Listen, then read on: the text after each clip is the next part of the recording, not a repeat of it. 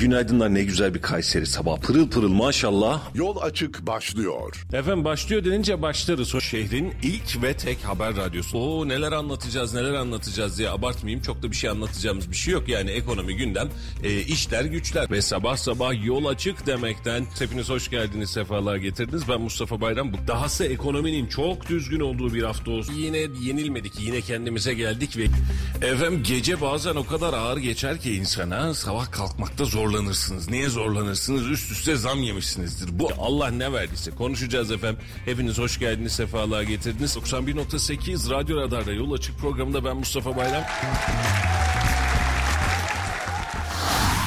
Radyo Radar yol açık başlıyor. Efendim hayırlı sabahlar ve günaydınlar diliyoruz. Hepinize hoş geldiniz, sefalar getirdiniz. 91.8 Radyo Radar'da Yol Açık'ta sizlerle yeniden birlikteyiz. Güzel bir hava var. Kar kış yok, yağmur yok ama rüyamda kar yağıyordu dostlar. Yani böyle e, Erciyes'in tepesinden hacıların hatta o millet bahçesinin eteklerine kadar böyle bembeyaz olmuş ama inceden bir beyaz öyle çok kalın değil e, hayır olsun diyelim geliyor. Hani aptala malum olurmuş herhalde bana malum oldu bu anlamda. E, ama rüyasını bile görmek böyle bir ürpertti beni. Yeniden kış geliyor diye ama bugün hava güzel. E, her ne kadar hava sıcaklığı 7-8 dereceler civarında olsa da sabah saatlerinde yine de gün içerisinde güneşli bir hava olacak gibi hepiniz. Hoş geldiniz, sefalar getirdiniz. Ben Mustafa Bayram. Halil İbrahim Öztürk ve Ahmet Billur hep beraber bugün de saat 9'a kadar sizlerle birlikte olacağız. Sevgili dostlarım, arkadaşlarım, kardeşlerim sizler de hoş geldiniz. Hoş bulduk, teşekkürler. Günaydın, günaydınlar herkese. Hayırlı sabahlar. Efendim dün e, Kayseri Büyükşehir Belediye Başkanı Memduh Büyükkılıç'ın bir gün öncesinde gelmek istemesiyle beraber buyursunlar demiştik biz de. Dün yaklaşık e, 40-45 dakika civarında Memduh Büyükkılıç'ta bir yayın yaptık. Bizim bu üçlü konfederasyon yayını gerçekleştirememiş olduk. Memduh Bey'e teşekkür ederiz sağ olsun ayaklarına sağlık. E, önemsemiş ve gelmişler. Biz de e, kaç zamandır içimizde ve dilimizin arasında, dilimizle dişimiz arasında ya da açıktan konuştuğumuz bazı konuları en azından kendisine sorma imkanımız oldu. Gün e, yayın ilerleyen saatlerinde bunun da yeniden bir değerlendirmesini hep beraber e, yapmış oluruz. Hemen bir para piyasasıyla başlayalım. Efendim an itibariyle dolar kuru 28.52'de, euro ise 30.57'de ortalama 2-3 günlük sabit bir seyir seyrediyor. Brent petrolde güzel bir gelişme var. 79 dolar seviyesine düştü. Yani 80 doların altına düştü. Umarım bir düşüş bir miktar daha geçerli ve devamlı olur. Altının ons fiyatı 1948 dolara kadar düştü. Altın şaşırtıyor. 2000, 2010, 2020 filan derken böyle hani 2000 doların üzerinde fiyatlar görmüştü. Ee, bir 50 dolarlık hemen hemen tenzilat var. 1948 dolar. Burası da ilginç bir tablo. Birazdan Halil Bey ile beraber bunu değerlendirelim. Borsa İstanbul hemen hemen kafa kafaya ufak bir artışla kapattı. 7860 puanda gün içerisinde canlıydı. Sonrasında birazcık daha baygın geçti diye tahmin ediyoruz. Bunu da birazdan konuşacağız. Altının düşüşüyle gram altın 1842 lira, bir çeyrek altın ise 3008 liraya kadar gerileri 3050 liraları ve üzeri rakamları e, geçtiğimiz günlerde görmüştük. Çıkacak mı dediğimiz yerde bir miktar daha biz geride kaldık demeyi tercih etti altın. E, Ali'cim senle başlamak istiyorum. Müsaaden olursa e, altında bir gerileme var. Faiz kararları bunda etkili mi? Ve beraberinde Brent petrolde de bir gerileme var. Ya da savaş tamtamları dünya için artık çok da savaş tamtamı değil mi?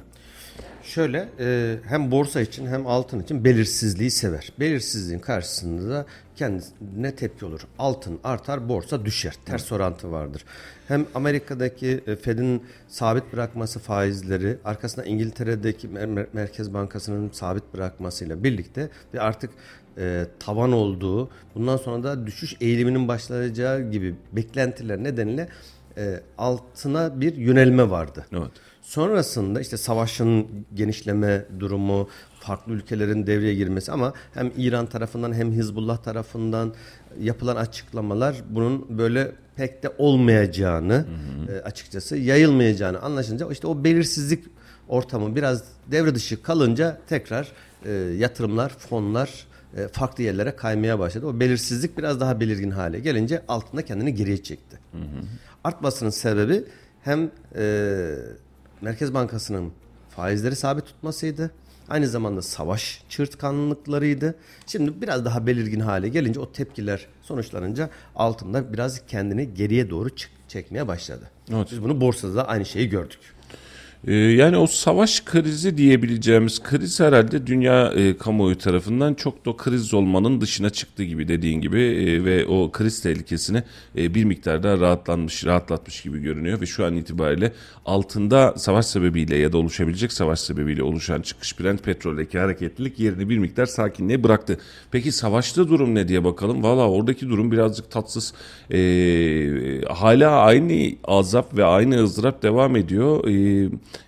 İsrail'in Gazze'de Hamas'ın elindeki İsrail esirleriyle karşılık e, Filistin tutuklarını serbest bırakılmasını içeren büyük ve geniş bir anlaşmayı düşünmeye hazır olduğu iddia edilmiş. Öte yandan İsrail Başbakanı Benjamin Netanyahu Gazze'deki esirler serbest bırakılmadan ateşkes yapılmayacağını ifade etmişti. Burada bir ateşkes içinde bir umut olur mu diye belki de birazcık bunun sancısı, e, bunun rahatlığı. Ama işin açıkçası söylemek gerekirse dünya bu sınavı, e, bunu özellikle altını çize çize her yayında belirtmeye çalışıyoruz. Bu sınavı kaybetti. Yani açık ara kaybetti. İzlemekle. E, izlemekle yetindi. Film izler gibi izledi. Hatta protesto edenleri tutuklamayı tercih etti. Sen ne hakla protesto edebiliyorsun dedi. Filistin'e destek veriyorsan ben seni joplarım dedi. Kaldır ceza da veririm dedi. Hapis cezası da veririm dedi. Hakikaten hukukun e, ve insan haklarının alt üst olduğu bir dönem yaşamış olduk. Bakalım önümüzdeki günler neler gösterecek. Tez zamanda bitmesini ve orada bağımsız bir Filistin'in en azından kurulabilmesini gerçekten canı gönülden iki devletli gerekirse evet ama iki devletli e, kalıcı bir çözümün sağlanması tüm memleket için belki de iyi olacaktır. Ama adalet demişken dün Türkiye'yi sarsan bir başka hadise vardı. E, çok konuşuldu, çok da konuşulacak bence. Hatta birkaç tweet'i de gördüm ki böyle aa ne oluyor filan dedim. E, yargıda Can Atalay gerilimi siyasi partilerden ardarda arda açıklamalar.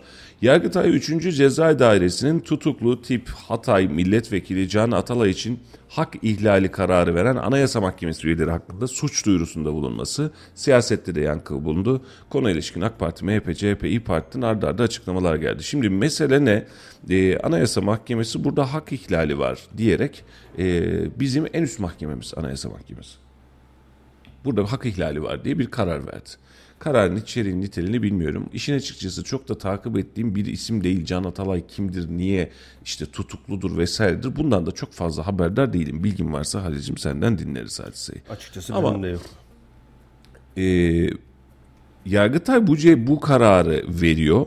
Bu kararı verdikten sonra e, şey çok özür diliyorum Yargıtay değil Anayasa Mahkemesi bu kararı veriyor.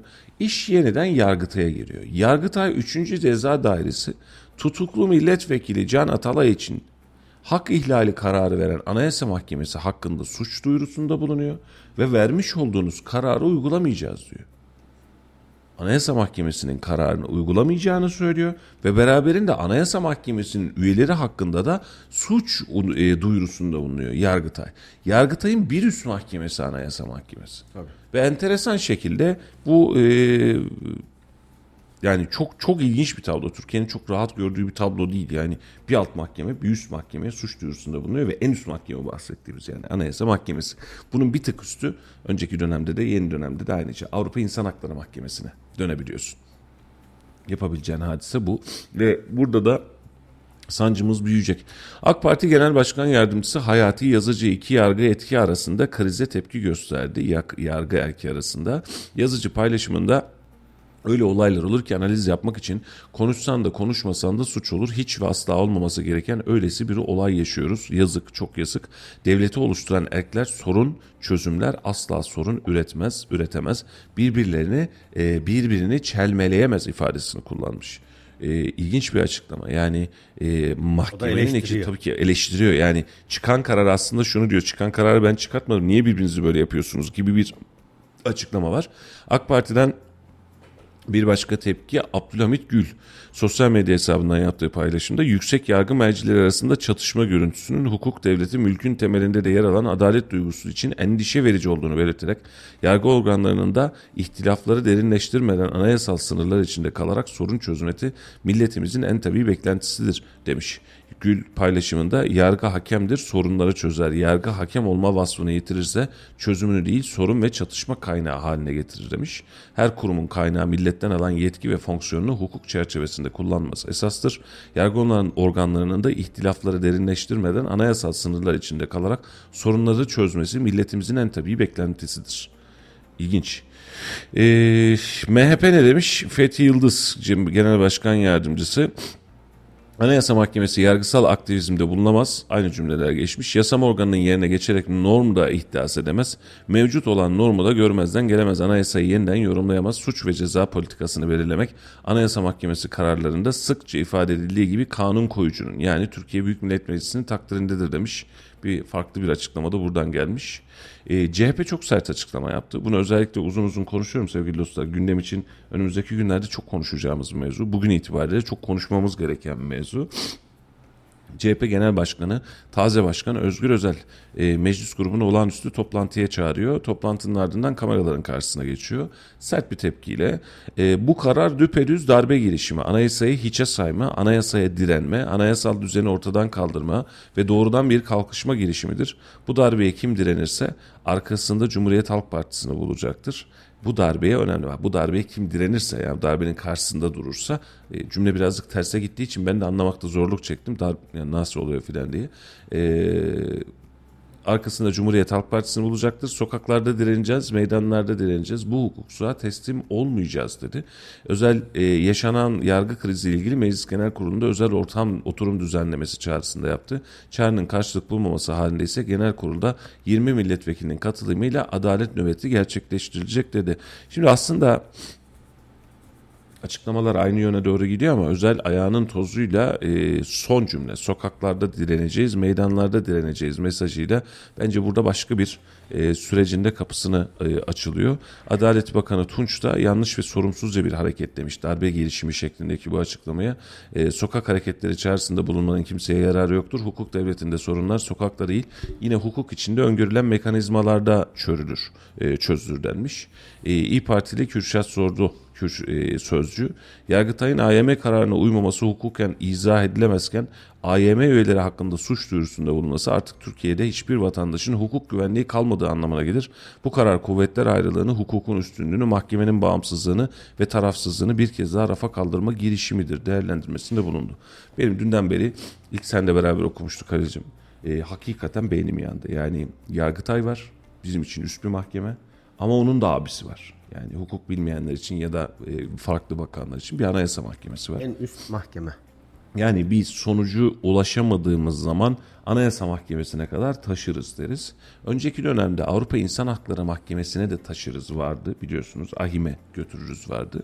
Biz e, üst mahkemeleri e, sivil başvurulara açınca burada bir vatandaşın sivil başvuru yapma hakkını aşınca son dönemlerde dikkat ederseniz ahim üzerinden çok fazla dava kaybetmiyoruz.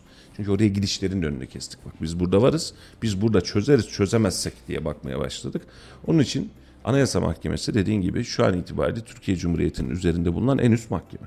Mahkeme bir karar veriyor. Kararı seversin, sevmezsin, doğru bulursun, bulmazsın. Ama adalet, adalettir, hukuk, hukuktur. Kanun çerçevesi içerisinde olur diyebiliyoruz. Ama e, kararı veriyor. E, diyor ki efendim biz Can Atalay'la alakalı hak ihlali var diyor. Yani hakkını gasp ediyorsunuz diyor.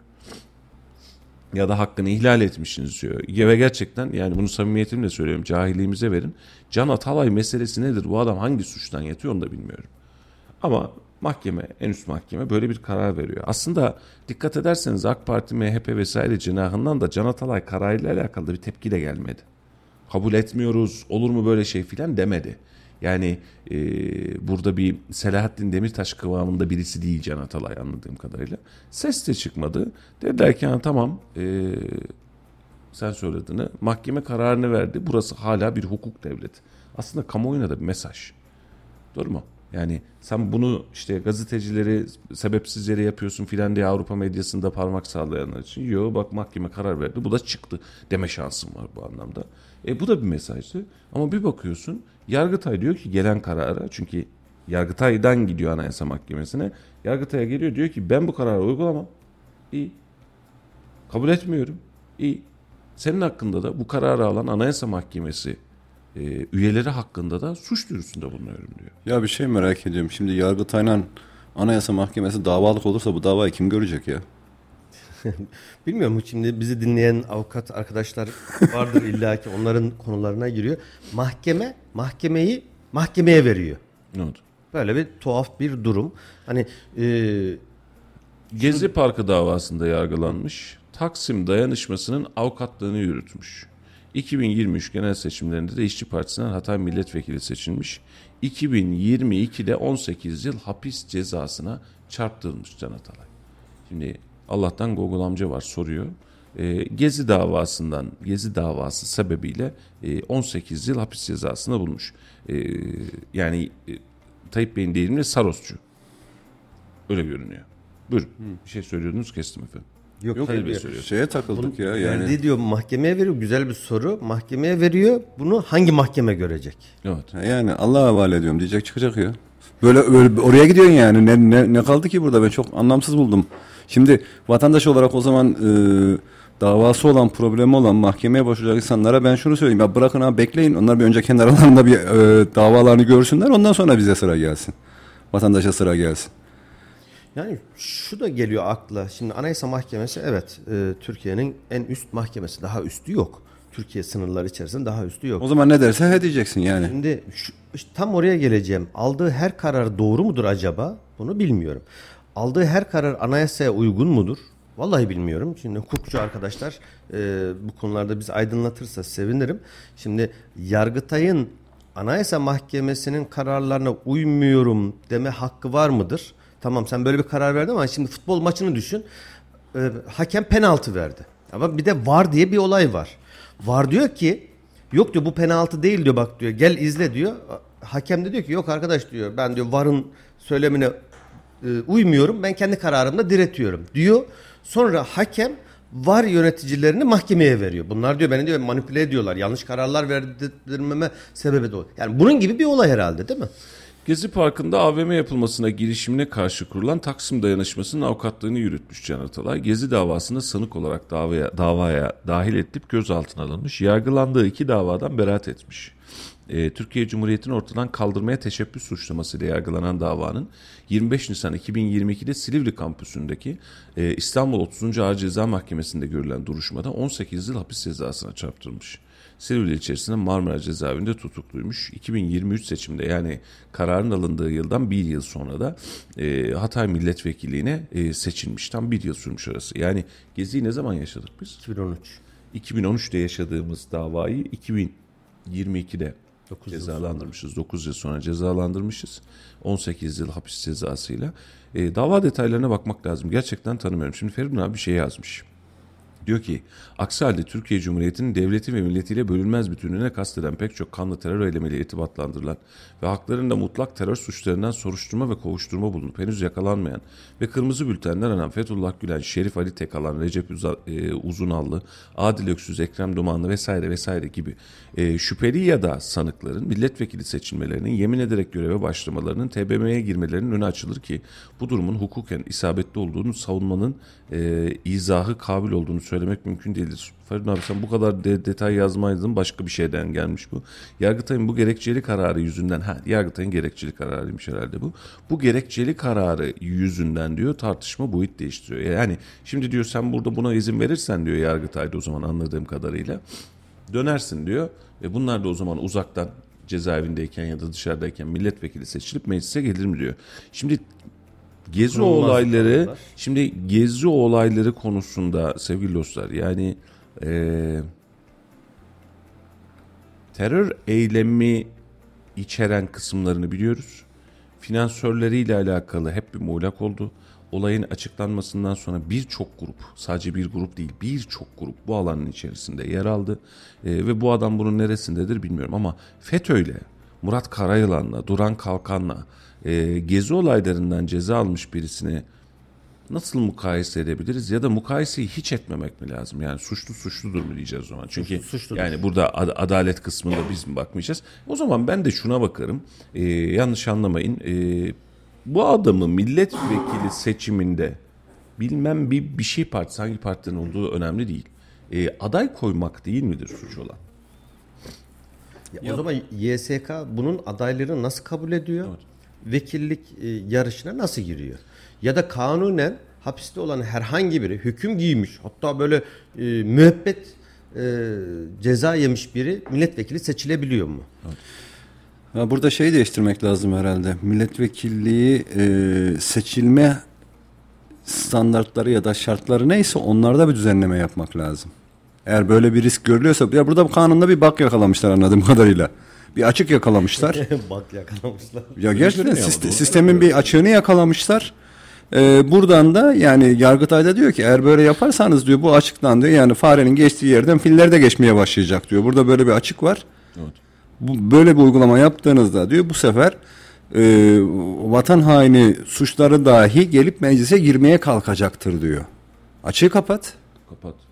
Yani Ya burada bak şimdi seçim sonuçlarına bakıyorum. Hatay'da Emek ve Özgürlük İttifakı olarak gidilmiş.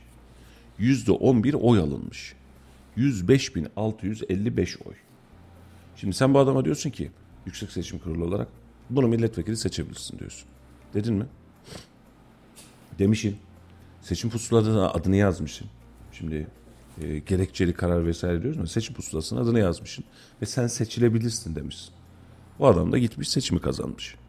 Bir tane milletvekili çıkartmış. Milletvekilinin sırasında kim olduğunu da biliyorsun. Yani sürprizden gelmiyor.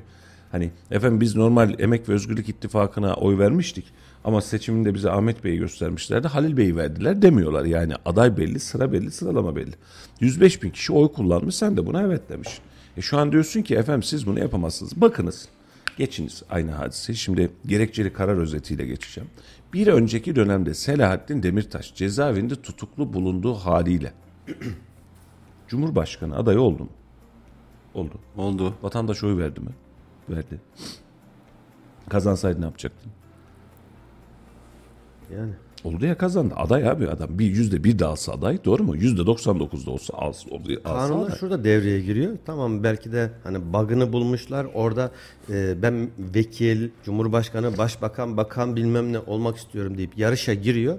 Ama YSK diyor ki tamam sen girebilirsin ama diyor ben sana mazbatanı vermem diyor.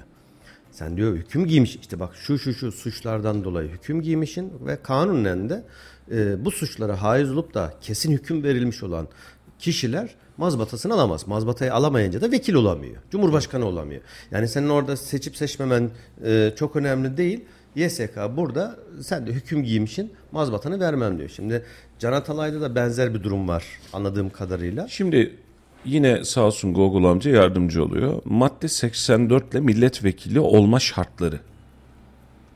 Efendim 30 yaşını dolduran her Türk milletvekili seçilebilir diyor. 30 mu? Bu 18, eski kanun Çok eski muhtemelen. 18 Yani. yaşını dolduran Ama herkes. Türkiye Cumhuriyeti e, TBMM'nin şeyi bu. Orayı da güncellemediler. Güncellememiştir. Güncellememiş. 18 yaş. Aynen Geçen öyle. doları 24 liraya düşürdükleri gibi. En az ilkokul mezunu olmayanlar, kısıtlılar, yükümlü olmasına rağmen ve muaf bulunmasına rağmen muvazzaf askerlik hizmetini yapmayanlar ve yapmış sayılmayanlar. Kamu hizmetinden yasaklılar. Taksirli suçlar hariç ağır hapis veya iki yıldan fazla hapis cezasına hüküm giyenler. Affa uğramış olsalar bile zimmet, ihtilas, irtikap, rüşvet, hırsızlık, gasp, dolandırıcılık, sahtelik, inancı kötüye kullanma, dolanlı iflas gibi yüz kızartıcı suçlarla kaçakçılık, resmi ihale, alım satımlara fesat karıştırma, devlet sırlarını açığa vurma suçlarından biriyle hüküm giymiş olanlar, anayasanın 14. maddesi hükmü uyarınca temel hak ve hürriyetlerinden birini kaybetmiş bulunanlar milletvekili seçilemezler. O zaman hapistekiler nasıl oluyor ya? Aday koyuyorsun, adam hapiste, 18 yıl Koyuyorsun ama seçilemiyor. Yani orada sen oy versen bile e, mazbatasını alamıyor. Mesele bu. Ha yani Mazbata alamıyor. yarışa girebilir ama kazanamaz. Aynen öyle. Valla 25 Ya Nisan'da, kazansa da madalyasını alamaz. 25 Nisan'da almış dostlar cezayı 2022'de. Biz seçimi 2023'te yaptık. Evet. Daha öncesinde yani. Yersizlik var. Ya o zaman oradaki o şeyleri şartları düzenlemeler lazım. Yani adaylıklarını kabul etmeyecekler. Böyle bu tür kabul bu tür bu tür olayların herhalde önüne bir tek bu geçer. Yani adam yüz kızartıcı suç diyor, şu diyor, bu diyor. Yani e, hak ve hürriyetini kaybetmiş. Ama YSK'nın şeyine bakıyorsun her türlü aday konulabiliyor. YSK bunu kabul ediyor. Yani bu kişinin e, bunlar evrak belge veriyorlar onunla alakalı.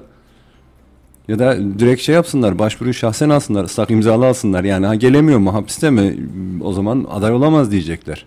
Yani. Böyle bir yöntem bulmalar lazım. İşte bunun önünü kesmesi lazım ama sonrasında mazbata veremeyince Valla aslında burada en aklı selim açıklamayı sevgili dostlar eee, AK Parti cenahı bence yapmış. Hakkını yemeyelim. Yani yargının içerisindeki böyle bir kavga görüntüsünü vermek orada bir milletvekilini ya da bir şahsı cezaevinden çıkartmaktan daha büyük bir suç bence.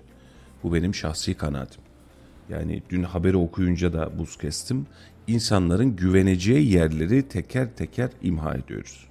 Yani sen ne diye güvenirsin kardeşim başına bir iş gelirse? Polise güvenirsin. Polisi itibarsızlaştırırsan, ben polise olan güven duygumu kaybedersem bu ülkede huzuru, sükuneti, adaleti sağlayamazsın. Mahkeme zaten adliyeler konusunda bunun sokak röportajına kadar yaptık vakti zamanında. İnsanların hukuka olan inancı Türkiye'de çok fazla azaldı. Hukukla alakalı inancımız azaldı. Adalet. Yani hukuk sistemiyle alakalı adaletli olmadığını düşünüyoruz. En basitinden siyasal mevzular üzerinde bakmış olduğumuz zaman yani X partisinin milletvekili belediye başkanı için yapılan soruşturmanın Y partisinin milletvekili belediye başkanı için yapılamadığını görüyoruz. Sayıştay raporları ortaya çıkmasına rağmen bazı işlemlerin gerçekleşmediğini görüyoruz. Bakın bunları Türkiye'de, Türkiye yüzyılı dediğimiz yüzyılın içerisinde yaşadık. Siz adaleti bu kadar sarsarsanız, vatandaş da buna güvenmezse adaletin olmadığı yerde terör ortaya çıkar. Çünkü herkes kendi adaletini sağlamaya çalışır doğru mu? Bir şekliyle bunu oluşturmaya çalışacak. Bizim bunun tam tersine yani Türkiye yüzyılı dediğimiz dönemde artık bizim adaleti yeniden sil baştan belki de ele alıp anayasa çalışmalarını yeniden değerlendirip yeniden çözüp Türkiye'de çok bağımsız çok nitelikli bir adalet sağlamamız gerekirken biz 15 Temmuz'dan beri bunu yaşıyoruz. FETÖ hadisesinden beri yaşıyoruz doğru mu Ali'ciğim? Yani adalet mekanizmalarının hiçbirisinden biz emin değiliz. Şimdi adam tutuklanmış diyorsun FETÖ'den iyi etmiş diyorsun. Öbürüne bakıyorsun mağdur olmuş. Bir bakıyorsun dışarıda bir adam var FETÖ'cü rahat rahat geziyor. Birinin malına el konmuş biri parasına para katmış. Kafan yanıyor ya nasıl böyle bir şey diyorsun. Şimdi bunları yaşamış bir ülkede en üst mahkeme dediğin anayasa mahkemesi hangi kararı vermiş olursa olsun. Bunu bir alt mahkemenin ben bunu kabul etmiyorum seninle alakalı suç duyurusunda bulunuyorum demiş olması bence düpedüz sistemin üzerine e, güvensizliği katlayarak büyütmüş bir iş. Yani tamamen bence hani darbe girişimi denir mi bu? Bir mahkeme bir mahkemeye darbe girişimi yapmaz ama e, yapamaz yani. O mahkemenin kararı. O zaman da Anayasa Mahkemesi der ki ben ben bunu Anayasa Mahkemesi'ne taşıyorum. Ben de bunu kabul etmiyorum. Üst mahkeme ben değil miyim? Senin aldığın kararı da kabul etmiyorum der. Bu, bu bir süreç değil ama yapılan e, hamlık bence ülke için ülkenin adalet sistemi için çok ciddi sorunlar içeriyor. Siyasetçilerin de Özgür Özel'in açıklamasına da dönmek istiyorum. Bu darbeye karşı direneceğiz diyor. Tamam. E, direnmenizi anlıyorum. Sokaklar, meydanlar demeye başladığınız anda bizim ayarımız kaçıyor. Ya Özgür Özel çok hızlı bir giriş yapmaya çalışmış anlaşılan. Liderlik e, koltuğuna Yani oturdu. söylemi, ben daha bir sola yakın bir siyaset uygulayacağım diye açıkça kendi daha önceki söylemlerinde konuşmalarında Yapsın söylemiş. canım ya, daha radikal olsun. olacağım diye söylemiş. ne olursa olsun da daha fazla konsolide etsin. Burada yine sıkıntı yok ama sokaklarda direneceğiz, meydanlarda direneceğiz. Bu hukuksal teslim olmayacağız. Ee, abi bizim yani sokaklarla ne buluruzu gerçekten biz düşünüyoruz. Yani e, bu kadar zam yemiş memleket sokağa çıkmamış. Bu kadar hakkı gasp edilmiş sokağa çıkmamış. E, Allah göstermesin bir daha yaşatmamış, yaşatmasın. Deprem olmuş, sokağa çıkmamış, meydana doluşmamış. Ee, bir millet ve biz bunu gezi olaylarında işte Can Atalay'ın da tutuklu bulduğu sebeplerden bir tanesi. Biz gezi olaylarında sokak dediğinin masum olmadığını gördük. Aslında başlangıcı çok masum olabilir. Şimdi desek ki ya beş kişi çıkalım şunu protesto edelim desek. Bak çok masum bir girişim. Demokratik de bir hak. Ama Türkiye'de siz bunu yapmaya başladığınız zaman radikal örgütlerin eline geçiriyorsunuz sokağa. Ortaya çıkamayan da çıkıyor seninkisi bende. Ve bunun sonrası da bizi acıtıyor. Ha şunu anlarım. Mesela dedim ki sokaklar, meydanlar vesaire diye böyle bir çağrı yapmak yerine bu çünkü e, illegalite de içerebilen bir çağrı oluşabilir. Biz bunu Cumhuriyet Halk Partisi olarak e, tüm büyük şehirlerde, meydanlarda protesto edeceğiz mesela. Ya o tür radikal gruplar zaten şey gibi bekliyor böyle avını bekleyen e, yırtıcı gibi kenarda bekliyor. Yani bir yerde vatandaşın haklı bir mağduriyeti ya da bir itirazı, bir demokratik hak kullanımı varsa hemen onların yanındaymış gibi görünüp bunu üzerimize alalım, bunu büyütelim diye bekleyen gruplar var zaten. Şimdi bunu belki yayında anlatmışımdır. Yıllar oldu. Bir terör eylemi sebebiyle kayıplarımız vardı. Ee, sokaklarda korna çal eylemleri falan yapılmıştı uzun dönem hatırlıyorsunuz. Ee, o dönem Kayseri Radar yok. Kayseri Net var. Onunla alakalı haber derliyoruz. Dışarı çıktım ben de akşam saatinde. Meydanda bir kalabalık orada evinin önünden yürüyor. Ee, gidiyoruz şimdi abi. Önde bir tane de çocuk var. Aslan parçası nereye gidiyoruz dedim. Elimde bir tane kamera var epitopu. Abi HDP'ye gidiyoruz dedi. Ee, nasıl yani dedim. HDP nerelisin sen dedim. Abi Trabzon'dan geliyoruz biz dedi. O zamanki söyledi. HDP'nin önüne gittik. Ben HDP'nin binasının önüne ilk gidişimdir belki de bu anlamda. Gittik. Polisin barikatı var. Biz arka, arkaya geçtik. Polis de tabii ki güvenliğini sağlamak zorunda doğru mu? O bize ben abi protesto ediyoruz vatan millet vesaire diyenler var ya polis arkadaşlarımız orada üzerimize soda şişesi yağdı. Şişeler yağdı. Polisine atıyorsun ya. Terör eylemi ne yap Provokatörler araya girmişler. Tabii tabii. Sen e, teröre karşı vatandaşın duruşunu şey kullanıyorsun. Yani Polis de- birkaç polis yaralandı biz bile yaralanıyorduk az daha. Her yer şişeler atılıyor tak tuk filan. Abi ne diye çıkayım? Yani tamam sen HDP binasını basmaya çalışıyorsun. Seni anlıyorum sinirin de. Karşındaki de polis. Türkiye Sanırım Cumhuriyeti 2016 yılıydı. O O, civarda, dönem ben evet. Kayseri dışında farklı bir yerdim. Hatta haberler izledik. Ee, Kırşehir'de de bir e, HDP binasını ateşe vermişlerdi. Ulusal basına da düşmüştü. Yanlış hatırlamıyorsam o olayı anlatıyorsun. Şimdi Ahmet Bey'in söylediği gibi bundan nemalanmaya çalışan çok fazla çakallar var. E şimdi daha yeni örneğini gördüğümüz İncirli'ye in- işte e, İHH'nın yaptığı bir e, eylem vardı biliyorsun. Evet, çıkartma var. İncirli'ye çıkarma. E sonrasında e, tabii ki yani yapacağım protestonun da bir sınırı olacak. Şimdi e, kanun kuralları aşmaya çalışırsan polis tabii ki hem senin protesto ettiğini hem seni korumakla yükümlü. E, gördük polis arabasının nasıl taşlandığını, polislere nasıl e, saldırılarda bulunduğunu gördük sonra. İHA Başkanı dedi ki bizimle beraber gelenler hepsi geri çekilsin. Bu bizim kontrolümüzden çıkmaya başladı. Polise taş atanlar bizden değil dedi. Şimdi evet ben de aynı şekilde inanıyorum. Bunların arasına her fırsatta olduğu gibi girip olayı farklı bir boyuta taşımaya çalışan gruplar her zaman var. Mutlaka çıkacak. Ya Var bizim, ve bizim, çıktı bizim da- paylaşımlarda bile yaşadık biz Halil'cim bunu. Yani birkaç sene önce Mustafa iyi hatırlar bunu. Bir paylaşımımız vardı. Şehirde yaşanmış olayla alakalı bir haber paylaştık. Bunun arkasından siyaset yapmaya çalışıp terör eylemi oluşturmaya çalışan böyle Sokağa e, karıştırmaya çalışan. sokağa karıştırmaya çalışan yorumlar şeyler. Yani bir baktık bunlar bizim takipçi falan değil. Takipçi sayılarında böyle bir oynama oluyor. İstanbul'dan böyle organize olmuş sosyal medya üzerinden gruplar bizim haberin üzerinden olayı farklı bir yere götürmeye çalışıyorlar. Ha burada güç bizdeydi ne yaptık? Kaldırdık haberi yürü lan dedik. Biz bu haberi vatandaşın bilgilenmesi için yaptık. Sizin siyasi ya da oyunlarınız için burada artı a- alttan başka bir film çevirmeniz için yapmıyoruz dedik. Tak diye sildik attık yok ettik hepsini. Valla orada Ama sokakta yapamıyorsun bunu yani. Tabii tabii. Yani orada şimdi bizim de ne yazık ki diyeyim yani haberciliği bile özgürce yapamıyorsun çünkü farklı bir aksiyona da sebep oluyor. Özellikle göçmenler meselesinde, Suriyeliler meselesinde e, bunu geçtiğimiz dönemde yaşadık. Seçim öncesi dönemde de yaşadık. Mesela e, yayınlarda da bunu çok fazla konuştuk. Mesela Türkiye için hala potansiyel bir tehlike. Çünkü vatandaş tepkili. Vatandaşın tepkisinin farkındalar. Allah'tan ki çok şükür hamdolsun. Yani bak bu kadar sancı çekmemize rağmen, bu kadar sayılarının fazla olmasına rağmen bu bir sokak eylemine e, kolay kolay dönüşmedi. Dönüşen yerleri de çok hızlı emniyet birimleri çözdü. Burada Eskişehir bağlarında falan da yaşandı biliyorsun. Yani şimdi Suriyeli haklıydı, Türk haklıydı diye bakmıyorum. Ama sen ateşi bir kez yaktığında kontrol üzerinde değil. Şimdi biraz önceki senin söylediğin kısma bunu da konuşalım demiştim ama dün Memduh Bey'de olunca konuşamadık. İHH'nın yapmış olduğu eylem, protesto. Şimdi gidiyorsunuz zincirlik üstüne yola çıkıyoruz. Araçlar, konvoylar, sosyal medyadan görüntüler, görseller süper. Neye benzettim bunu biliyor musunuz? Hani e, Hamas'ın ilk saldırılarında böyle görsellerle kutlamıştık ya. Hani çıkıyorlar, iniyorlar, paraşütler filan diye, aa filan diye. Ama işte duracağınız yer önemli. Ve siz bu eylemi yaptığınızda, siz bu hareketi yaptığınızda yolda gidiyorsunuz. Yani şunu yapmıyorsunuz. Yaka kartı olmayanlar bu eyleme giremez diye bir şey yapma şansınız var mı? Yok. Sen bunu açık çağrı yaptın bana. Ben de giderken şuradan arabama, aracıma biner gidebilirdim. Dahasını söyleyeyim sana. Olayı ve aksiyonu bozmaktan ya da eylemden bahsediyorum ya. Ee, daha çok olmadı. Üzeri çok taze.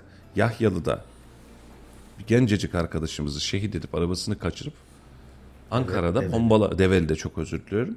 Ee, Ankara'da bombalı eylem yapan arkadaşları biz gördük. Teröristleri gördük. Bunu yaşadık. Sen şimdi buradan buna benzer bir etki bu alanın içerisine kaçsa ve bu da istihbarat birimlerinin gözünden kaçsa. İstihbarat ön, önleme faaliyeti Allah'tan kurtarıyor ama gözünden kaçtı. Anlık gelişti. Haberin de yok. Konvoyun içerisinde bir araç. Gittin oradaki kalabalıkta. Kapıda bombalı eylem yaptı. Ne yapacaksın? Sorumluluğu kim alacak? Yüzlerce insan hayatına mal olabilir. Allah öyle. korusun. İlişkiler bazında da şimdi incirlik üstü kapatasın. Vallahi kapatasın mümkünse. Ama sen bunu devlet eliyle yapacaksın. Sen bunu düşünsene bir Amerikan üstünün yani Amerikan üstü şu an itibariyle orası incirlik neredeyse. Sen gidip de burada bir bombalı eylem yaptırıyorum dediğinde senin dünya kamuoyundaki gözlemin Suriye'den farkı kalır mı? Irak'tan farkı kalır mı? Ve bunları iyi hesap etmek lazım. Tepki gösterelim mi? Vallahi durmadan gösterelim. Dün Sayın Palancıoğlu'la açılışta karşılaştık. Şimdi Cuma günü itibariyle bir program hazırlıyor. İnşallah katılacağız biz de yani birçok anlamda. Filistin protestosu yapılacak. Ee, bir hashtag çalışması yapılacak şehir genelinde fotoğraflı panolarla. Evet yani bu bir mantık. Demokratik yollarla yapacaksın. Diğer türlü biz gidelim, vuralım, öldürelim, kapatalım, üstün üzerine gidelim, binlerce araç İstanbullardan vesairelerden çıkalım, konvoy yapalım. Ondan sonra bir bakıyorsun dediğin gibi polis aracı taşlanmış. Lan polis benim. Polis bizim polisimiz. Sen ne yapıyorsun? Şimdi CHP'nin yapmış olduğu süreçte de sokak ve meydan hadisesi vatandaşımız bizim söylememize bile gerek yok. Yani bu anlamda çok fazla bilinçli ama gaza getirilebilecek, meydanı karıştırabilecek ve sistemi bununla değiştirmeyi düşünebilecek bir eylem veya eylem zincirinden kaçınmak lazım sevgili dostlar. Yani eğer bir şey yapacaksanız bunun yolu sandıktır. Sandıkta beceremediğiniz işi meydanda becereceğinizi zannederseniz bunu 15 Temmuz'da da bu memleket bunun cevabını vermiştir. Ve 15 Temmuz bir partinin filan zaferi değildir. Memleketin diriliş zaferidir. Yani ben 15 Temmuz'u çok önemsiyorum. Kutlamalarını değil, sonradan yapılan o salak saçma açıklamaları vesaire değil, bunun hukuksuzluğunu değil. Bak buradan bahsetmiyorum.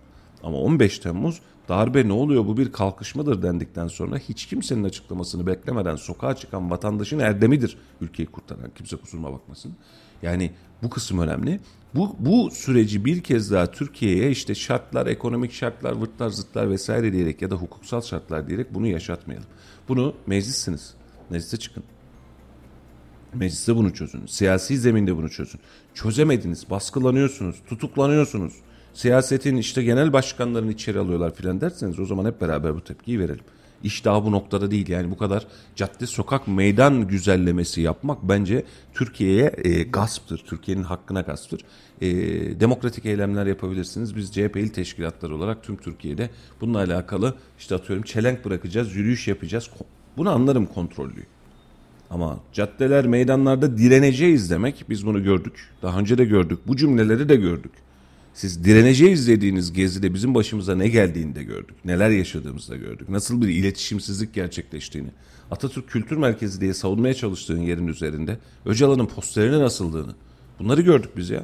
Yani madem Polise madem sen orada sopalarla, taşlarla, molotof kokteylleriyle saldırıldığını gördük. Polis benim kardeşim saldıramaz.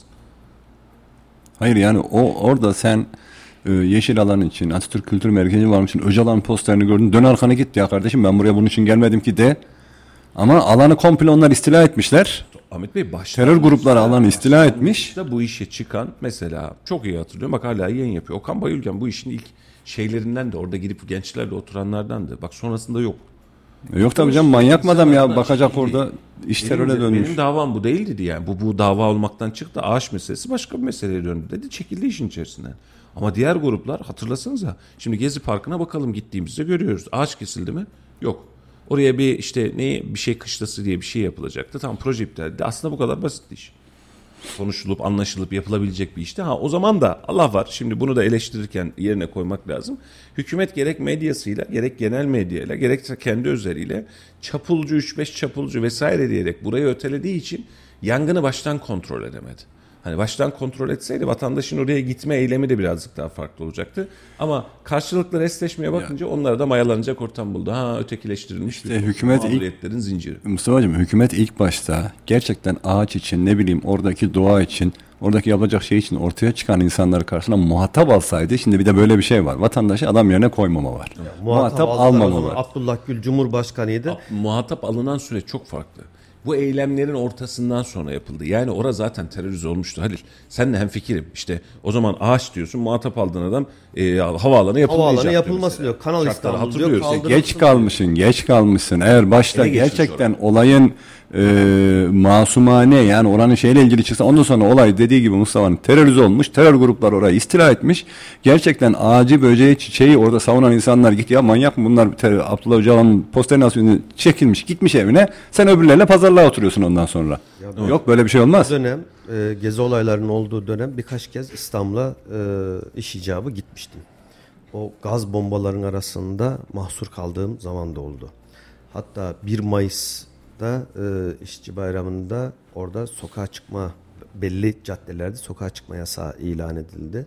Ben de Mecidiyeköy'deydim hatta. Otelden dışarıya adım atamadım. Atamadığım gibi de e, gaz bombalarından içeride öyle bir genzini yakıyor ki gözyaşlarınız öyle bir akıyor bilmem ne kendi nefes alamıyorsunuz.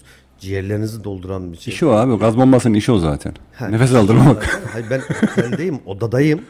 Pe- kapı pencere falan kapalı olduğu halde o kadar çok yoğun vardı ki o ortamda e, hakikaten kötü etkilenmiştik. O Gezi Parkı'na da gittim. Oradaki görüntü, oradaki e, artık bu gezi olayları işte ağaç maaşta hatta Mehmet Ali Allabora mıydı? İngiltere'ye sığındı. E, mesele dört tane ağaç değil sen hala anlamadın mı arkadaş diye açıklama yaptıydı. Daha gezi olayların başında Evet. sonunda değil daha başındayken yaptı. Biz nelere mal olduğunu o zaman gördük. Mesele dört tane ağaç değildi. Ha, o gün o dört tane ağaç olmasaydı bir hafta sonra başka bir yerde başka bir O mesele. zaman o zaman şöyle olmuş orada olay. Terörize gruplar vatandaşı kandırmış. Ee, Vatandaşı ağaç için çıkarıyoruz diye şey yani yapmış. o Herhalde başlangıcı kandırmış. Medyaya hiç yansımayan sadece sosyal medyada gezen ağaç için oturuyoruz diyen insanların e, ben zina terörist olduğu kanaatinde değilim. Çünkü birçoğunun daha sonrasında da bu çok fazla konuşuldu. Ama çapulcu hadisesi sonrasında iş farklılaştı. Yani o dengeler bozulmaya başladı ama ilk oturanlar, ilk oraya gidenler ya bu bizim de hassasiyetimiz olabilir. Düşünsene meydandaki parkı kaldıracağız. Kardeşim bunun yerine ben AVM yapacağım dese birisi. He. AVM'di proje. Gider biz de buna tepki gösteririz. Biz oraya gittiğimizde baktık ki olan karışıyor.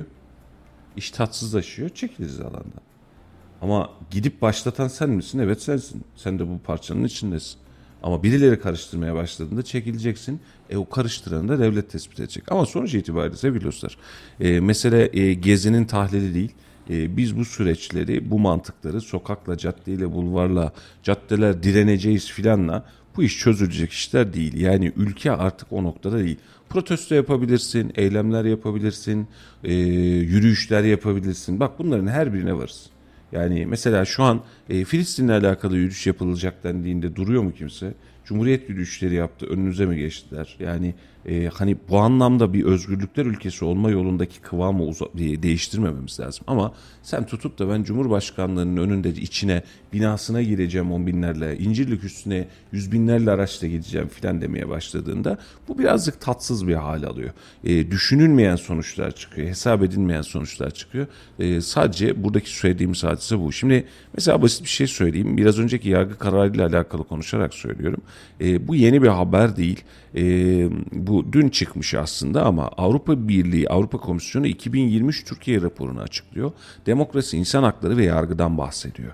Mesela diyor ki insan hakları ve temel haklardaki bozulmanın sürdüğünü iddia edilen raporda Türk yasal çerçevesi insan haklarına ve temel haklara saygı konusunda genel güvenceler içeriyor. Ancak mevzuatın ve uygulamanın Avrupa İnsan Hakları Sözleşmesi ve Avrupa İnsan Hakları Mahkemesi iştihatlarıyla uyumlu hale gelmesi ifade ediyor. E, ifade özgürlüğü konusunda ciddi gerilemenin devam ettiğini savunuyor bu rapor. Sivil toplum kuruluşlarının artan baskıyla faaliyet alanlarının daralmasıyla karşı karşıya kaldığı öne sürülüyor. E, siz bunu kabul etmezsiniz ama ben kabul ediyorum. Yani sivil toplumun çok fazla siyasallaştığını çok uzun zamandır konuşuyoruz.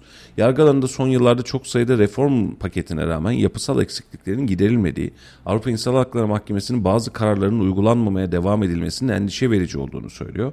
Cumhurbaşkanı seçimine yaklaşıldığı dönemde siyasi kutuplaşmanın arttığı denilen raporda seçmenlere gerçek siyasi alternatifler arasında seçim yapma şansı sunulduğu ve seçime katılımın yüksek olduğu ifade edildi. Ancak medyanın taraflı olması ve eşit şartların bulunmamasının iktidara avantaj sağladığını savundu. Şimdi şuradaki Avrupa Birliği bu Anadolu Ajansı'nın haberi hatta Avrupa Birliği raporunda hayır böyle değil diyebileceğimiz ne var? Mesela diyor ki Cumhurbaşkanlığı seçiminde siyasi kutuplaşma arttı. Kabul. Seçmenlere gerçek siyasi alternatifler arasında seçim yapma şansı sunulduğu. Doğru. Ve seçime katılımın yüksek olduğu. Bu da doğru. Ancak medyanın taraflı olması ve eşit şartların bulunmamasının iktidara avantaj sağladığı e, söylendi. Şimdi yanlış diyebilir miyiz buna? Diyemeyiz. Şimdi medyadan bahsediyoruz mesela. Medya taraflı olması ve eşit şartlarda bulunması. Şimdi bakıyorsun medyalar bile bütünleşmiş. Şimdi işte CHP'nin işte şu şu şu grup CHP'nin medyası, diğerleri bunların medyası, işte Cumhur İttifakı'nın medyası, AK Parti'nin medyası diyorsun. E, şimdi örnek veriyorum bir parti çıkıyor ortaya çıkartacak medyası yok. Medyayım diye bir tane işte atıyorum televizyon kanalı idare ediyorlar ya da bir tane gazete idare ediyorlar. Karşılığı yok. Yani var olma şansı yok. Şimdi düşünsene biz buradan e, Halil Bey ile beraber sen ben üçümüz bir parti kuralım diye niyet ettik. Caner sürekli zorluyor ya bir parti kuruyor verelim diye. Hadi biz de bu yani Caner'in gazına geldik kurduk partiyi tamam çıktık meydana. İşte kendi medya e, yereldesin ulusal o yok medyan yok. E medyaya gidiyorsun kapısını çalıyorsun ben geldim beni yayına alır mısın diyorsun. Diyor ki alamam seni. Alamam yani. Çünkü seni e, yayına alacak olursam para kaynaklarım kesilir. Şimdi mesela basit bir şeyle gideyim. E, yeniden Refah Partisi üzerinde bunu söyleyeceğim. Fatih Erbakan üzerinde. AK Parti'ye ile alakalı bir şey söyler ve vurursa işte Fox'ta Sözcü'de vesairede böyle manşet manşet. CHP'lilere vuracak olursa AK Parti'nin medyasında, Cumhur İttifakı'nın medyalarında manşet. Aslında medyaları var ya, medyaları yok değil. Yani bahsettiğin o sözcü, mözcü bir sürü gazeteleri, televizyonları, kanalları, hani sosyal medya grupları hani tamamen kapatılmış olduklarını zannetmiyorum ben. Var ama e, popüler ve halk tarafından çok izlenen kanallar onların kontrolünde değil. Aynen öyle. Medyaları yok değil ki, onların sesinin çıkacağı hiçbir yeri yok değil ki. Bu her taraf için söylüyorum. Yani AK Parti olur, CHP olur, MHP olur, İyi Parti olur. Yani hepsinin açıklamaları e, kendi kanallarında. Fakat bu kendilerine ait doğrudan kendi borazanlıklarını yapan kanallar o kadar çok ayyuka çıkmışlar ki o kadar çok bu işi abartıp e, yalan yanlış şişirmelerle sadece taraflı haber yaparak şey yapmışlar ki vatandaş tarafından şey görmüyor, ilgi görmüyorlar. Bugün ben ma- malum e, Fox. işte öbür tarafta A Haber. Yani haberi öyle bir vatandaşa servis etme şekli var ki vatandaş bunu medya olarak görmüyor. Onların kanalı diyor. Onun dışındaki kanallar hani vatandaş tarafından tezahür bulan, vatandaş tarafından takip edilen kanallar zaten e, kimin kontrolündeyse onların sesi daha çok çıkıyor gibi gözüküyor. Yoksa her tarafın kendi kanalı var. Şimdi şurada şunu söyleyip medya kısmına yeniden dönmek istiyorum. Çünkü konuyu bunun için açmıştım. Dışişleri Bakanlığı da AB'nin Türkiye raporuna tepki göstermiş. Demiş ki bakanlığın açıklamasında raporda yer alan özellikle siyasi kriterler ve yargı ve temel haklar faslındaki mesnetsiz, mesnetsiz iddiaları ve haksız eleştirileri tümüyle reddediyoruz demiş. Yıllardır böyle gidiyor zaten. Onlar bir açıklama yapıyor biz de reddediyoruz diyor. Geçtik ben raporu da özellikle e, barındırdım ki hani en azından vatandaş ne olduğunu neyi reddettiğimizi görsün. Şimdi medya konusuna yeniden döneceğim. Bizim de içinde olduğumuz bir Yerele, konu olduğu için. yerele özelleyelim bunu. Yerelde de genelde de. Şimdi e, o kadar yanlı, o kadar taraflı, o kadar buyurun efendim kıvamında bir medya oluşturduk ki. Şimdi Mehmet Ali Brandt'ların, Savaş Aydar'ın, Ali Kırcalar'ın yayın yaptığı, habercilik yaptığı dönemleri biz yaşadık. Evet. Doğru mu? Levent Kırca'nın ekrana çıkıp hicivlerini tavan yaptırdığı ve bizim de her hafta kitlenerek seyrettiğimiz bölümleri biliyoruz. Yapımlar ve içeriklerin görüntü kalitesi ya da prodüksiyon kalitesi belki sıkıntılıydı. Dönem ve dönemin teknolojisi itibariyle.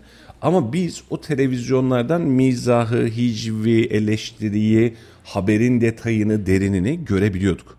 Mesela severiz sevmeyiz. Uğur Dündar'ın yapmış olduğu araştırmacı gazetecilik tüylerimizi diken diken eder. Lan ne oluyor falan diye.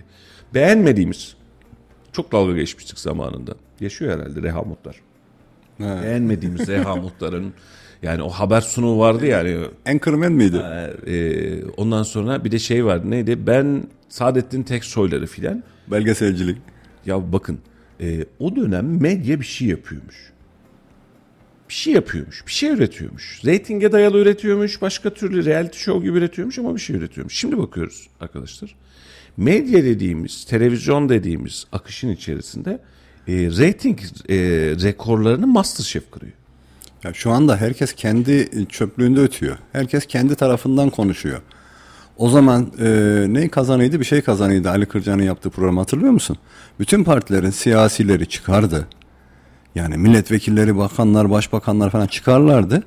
Orada kanal ya da yönetici istediği kadar bir tarafa çekmeye çalıştı. Çok fazla çekim en fazla süresini ona 5 dakika verirdi ona 4 dakika verirdi. Yani yapabileceği adaletsizlik bu kadardı.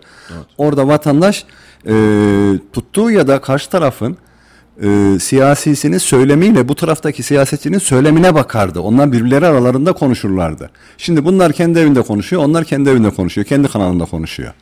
Şimdi bak e, bakıyorum 6 Kasım için reyting sonuçları demiş. Mesela şu an baktım 6 Kasım. Ömer dizisi birinci sırada. Müge Anlı ile Tatlı Sert. Esra Erol da üçüncü sırada. Alparslan Büyük Selçuklu dördüncü sırada. Selçuk Tepeli ile Fox Ana Haber beşinci sırada. Masterchef altıncı sırada. ATV Ana Haber 7. 8. sırada Safir. 9. sırada Şov Ana Haber 10 Safir. Eee gelen sonuçlara baktığında bunun içerisinde senin etkileşimli işte bir tane dizi koymuşsun. E, mesela bir sonraki göre bakıyorsun AB rating raporunda Masterchef Şef ikinci sırada, Ömer birinci sırada, Alparslan. Ondan sonra Fox Haber geliyor ve bu hepsi bu kadar. Şimdi içerik üretme insanları kitlesel olarak televizyonun karşısında tutma ya da bilgiyi dağıtma olarak biz önemli bir e, belki de son 30 yılı geçirdik. Doğru mu Halil? Yani biz televizyondan bilgi edinir, televizyondan e, kuvvet savaşını seyreder ne oluyormuş diye gecenin bir saatinde açar bilirdik. Şimdi bunun yerine yeni bir medya türü çıkarttık.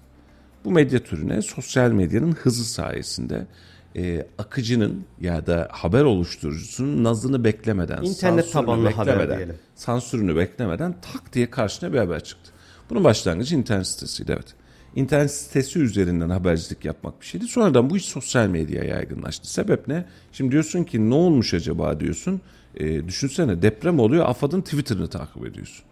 Tatil mi olacak diyorsun valinin Twitter'ını takip ediyorsun. Doğru mu? Evet. Bir yerde bir şey olmuş Filistin'de ya da bir yerde bir patlama olmuş Allah göstermesin sosyal medyaya giriyorsun. Kameramanın görmediği gözlem ben bunu nasıl görürüm? Haberciden önce ben bunu nasıl görürüm? Ve iş müthiş derecede hızlı. Yani hiçbir şey şu an senin haberi hazırlaman, editoryal olarak toparlaman, gece gazeteye basman, sabah da bu gazeteyi dağıtmanı filan beklemiyor. O zamana kadar da zaten eskimiş oluyor. Şimdi burada bizim basınımız bu teknolojiyi kısmen yakaladı. Büyük çoğunlukla es geçti. Dedi ki ya biz televizyonuz. Biz gazeteyiz. Biz konvansiyonel nitelikli medyayız. Klasik bir medyayız. Yani bizim üzerimize güç olamaz. Ve televizyonlar bunu nereden yakalıyorlar? Anlık olay yerlerinden canlı yayın böyle savaş gibi uzun süreli olan yerlerde muhabirlerini gönderiyorlar. Ve günde, biz de onları seyrediyoruz. Bak. Günde günde 20 sefer bağlantı kuruyorlar. Her bültenlerinde mutlaka onlarla bağlantı kuruyorlar ve anlık olarak bilgi alıyorlar. Yani sosyal medyayla neredeyse eşit hızda gidiyorlar. Ve bunları da ne zaman seyrediyoruz Ahmet Bey? Depremde de bunu yaşadık. Depremi nereden takip ettik? Haber kanallarından takip ettik. Evet. Anlık bağlantıları bir şey mi oldu filan. Bak biz de haberciliğin içerisindeyiz. Biz onlardan takip ediyoruz. Niye? Alanda 20 tane muhabirle çalışıyor adam. 30 tane muhabirle çalışıyor. Canlı yayın esnasında deprem oldu. Aynen. Olacağı yakalandı işte. İşte anlık yani anlık takip ediyorsun. Televizyon burada bunu yaparsa yakalayabiliyor. Aynen öyle. Şimdi bu bir farklılık. Bu bir evet erişim. Ve bunu kim yapıyor? Bizim geleneksel televizyon kanalları değil, haber kanalları, tematik kanallar yapıyor bu işte. Şimdi sen üretmezsen, sen ortaya bir malzeme koymazsan, sen şu an Netflix'e nasıl rakip olacaksın? Olabilir misin? Şimdi adam diyor ki aylık 50 lira 100 lira mı veririm? Veremedim mi? Çakma yayın internetten buluyorum. Zaten yıllardır bulunuyor. Bu yeni bir hadise değil. Yeni bir dizi çıkmış görüyor mu diye herkes onu konuşuyor. Oturuyor seyrediyor. Hiç kimse televizyonda da şu dizi var seyrettin moduna geçmiyor. Senle beraber seyrettik. Çok da sevdiğimiz bir dizi. Hadi bittiği için rahat konuşalım. Kısmet diye bir dizi yaptı mesela. Evet. Yolda seyrettik yani Ahmet Bey'le. Hakikaten. Yaz dönemindeki yolda. Dizi çok keyifli. Komedi dizisi. 3 saat dizi mi olur arkadaş? Şimdi bak kaçırıyoruz. Adam 40 35 dakikada 40. dakikada işi bitiriyor. Bir bölümünü atıyorsun, tüm sezonu yüklüyor, tak tak izliyorsun. Biz 9 bölümlük dizi 3 bölüm atabildik yani saatler süren mücadele sonucunda. Şimdi sebep ne? Sen bir içeriği üretirken başka bir şeyi kaçırıyorsun. Şimdi bunun için de bizim normal medyamızda biraz önceki rapora da özelle söyleyeceğim. Sadece taraf olmayı tercih eden, para kaynaklarını vatandaştan değil kamu üzerinden hazır beslenme yöntemine getiren televizyon kanalları, gazeteler ve yayın kuruluşları sayesinde biz yayıncılığı, serbest ve bağımsız medyayı unuttuk. Şimdi düşünsene yani e, hükümet kızar mı, ma, kaynağımızı keser mi, bizim şuradaki şirketimizin üzerine çöker mi? Aydın Doğan'la alışamadık mı? Aydın Doğan'ı niye sildiler piyasadan? Adamın tek işi bu değildi ki. Başka yerden tutturdu. Yani adam özgür bir medya falan oluşturamadı. Ve sen bunu oluşturmaya çalıştıkça tepene başka bir şey geldi. Peki sen bunu yapmak için ne yapman lazım? Dimdik ortada durman lazım doğru mu? taraf olmanın ötesinde dimdik ortada durma. İçeriği yapman lazım. Niye? Sana vatandaş verecek bunun parasını. Hatırla Halil'cim. Televizyonlarda reklam yayınlayacağız dediğimizde bugünün parasıyla milyonlar milyarlar çıkardı ortaya. Çok büyük ve nitelikli rakamlardı. Şimdi rakamlar geliyor komedi. Bak komedi ya. O dönemki orantılara göre bakacak olursan komedi. Niye? Televizyon etkisini kaybetmiş. Reklam veren de televizyondan sıtkını sıyırmış. Demiş ki ben buraya reklam veriyorum herkes de görmüyor. O zaman ben bir miktar buradan ayrılayım demiş. Ama zamanında böyle değildi. Gazeteler düşünsene bugün şu an yaşanmış bir hadiseyi bana yarın bu saatlerde verecek. Yeni teknolojide bunun yeri kaldı mı? Kalmadı. Peki gazeteleri neye çevirmek lazım? Köşe yazılarının, araştırmaların olduğu koca koca ansiklopedilere çevirmek lazım. Doğru mu yani? Biz oturduğumuz zaman benim bugün bu gazeteyi almam lazım kardeşim. Bak adam yazmıştır yine bir araştırma dosyası vardı. İkinci bölümle yayınlayacaktı diye ben gazeteyi almam lazım. Yoksa niye alayım ki abi ben gazeteyi? Onu yapacak kişi de zaten şu anda sosyal medyayı tercih ediyor. Fakat sosyal medya ile beraber şimdi senin bahsettiğin o büyük rakamların olduğu zamanlarda televizyon sayısı kaçtı? Evet. Şu anda kaç bin tane yani bir uydu şeyine bağlanıp da bir kanal taraması yap dediğin zaman binli rakamlar çıkıyor karşına. Doğru. Ne ediyor belirsiz şeyler. Şimdi sosyal medyada da aynı şey geçerli. Sosyal medyaya girdiğin zaman herhangi bir vatandaş elinde telefonu ve internet olan herhangi bir çocuk, çocuk ya bir kanal açabiliyor, bir şeyler paylaşabiliyor. E sen bunun içerisinden nitelikli haberi seçmekte de zorlanırsın zaten. Seçemiyorsun. Size ve sistem kendi içerisinde kendi kendini yok ediyor bundan sonra. Ne oluyor? Ondan sonra akredite edilmiş e, sosyal medya hesapları mı çıkacak? Yok ondan sonra da bunu da paraya çeviriyorlar. Yok mavi tikli onaylanmış hesaplar, yok bilmem bir şeyle hesaplar. E, verifit dedikleri işte o sistemler. Bunu bir dönemi yapıyorlar. Sen diyorlar işte ünlü olduğunu, medya olduğunu, işte e, mavi tik yani onaylanmış hesap alacağını önce ispatla diyorlar. Ondan sonra diyorlar ki ver parayı biz sana bunun zaten şeyini veriyoruz diyorlar. Evet. Bu da buna döndü. Ya bu kendi içinde de kendi kendini tüketmeye başladı şu anda. E, Valla e, hem tüketiyor hem de beraberinde o e, bildiğimiz klasik medya üzerinde e, hakimiyet her geçen gün azalıyor. Ve biraz önce de işte Avrupa Birliği raporunda okuduğumuz kısım medya bağımsız olmalı. Efendim medya geçimini kamudan sağladığı sürece sermaye finans kaynağının sürüklemesinden sağladığı sürece hiçbir zaman için o tam nitelikli bağımsızlığı gerçekleştiremez. Bağımsız bir gazetecilik yapamaz. Yaptığı zaman da e, nefes aldırmazlar. Bunun için medyanın vatandaşla özümsenmesi ve siyasetten kendini arındırması lazım ki siyaseti sorgulayabilsin. Kamu denetçisidir medya doğru mu? Gazeteci kamu denetçisidir. Kamuyu nasıl denetlersin sen? Kamunun üzerinde bir güç olduğunu idrak etmen lazım. Üzerinde derken ona şunu yapacaksın diyen bir güç değil. Kamunun üzerinde bir gözetleyicisin sen, denetleyicisin. Kamudan büyüksün demiyorum bak. Kamunun üzerinde bir güçsün. Denetleyicisin çünkü. Ve sen bunu yaparken senin paranı kamu veriyorsa kamuyu denetleyemezsin. Doğru mu? Bunun için şirketlerde bağımsız denetim kurulları filan oluşturulur. Yine parayı ver ama bağımsızdır yani. O parayı kimin verdiğini bilmez. Gelir denetler çat çat yapar gider. E sen şimdi diyorsun ki efendim kamuyu denetlemeliyiz. İşimiz ne? Gazeteciyiz. O zaman ne yapacağız? Biz gönüllü kamu denetçileriyiz. Doğru mu? Doğru. Kamuyu denetleyelim. Peki parayı kimden alalım? Bizim geçinmemiz lazım. Bunu da size kamu verecek. E kamu verirken şunu yapıyor mu sana? E, sen beni nasıl denetliyorsun öyle ya? Halil Bey ne yapıyorsun sen? Sen beni böyle denetleyemezsin arkadaş. Ben sana para vermem o zaman dediği anda senin görevin bitti. Bunun için kamu denetçiliği yapacak gazetecinin kaynağının reklam veya reklam özelinde vatandaş olması lazım. Aboneliktir, gazete satışıdır, vırttır, zırttır, da bağıştır, destektir. Ama bu böyle bir şey.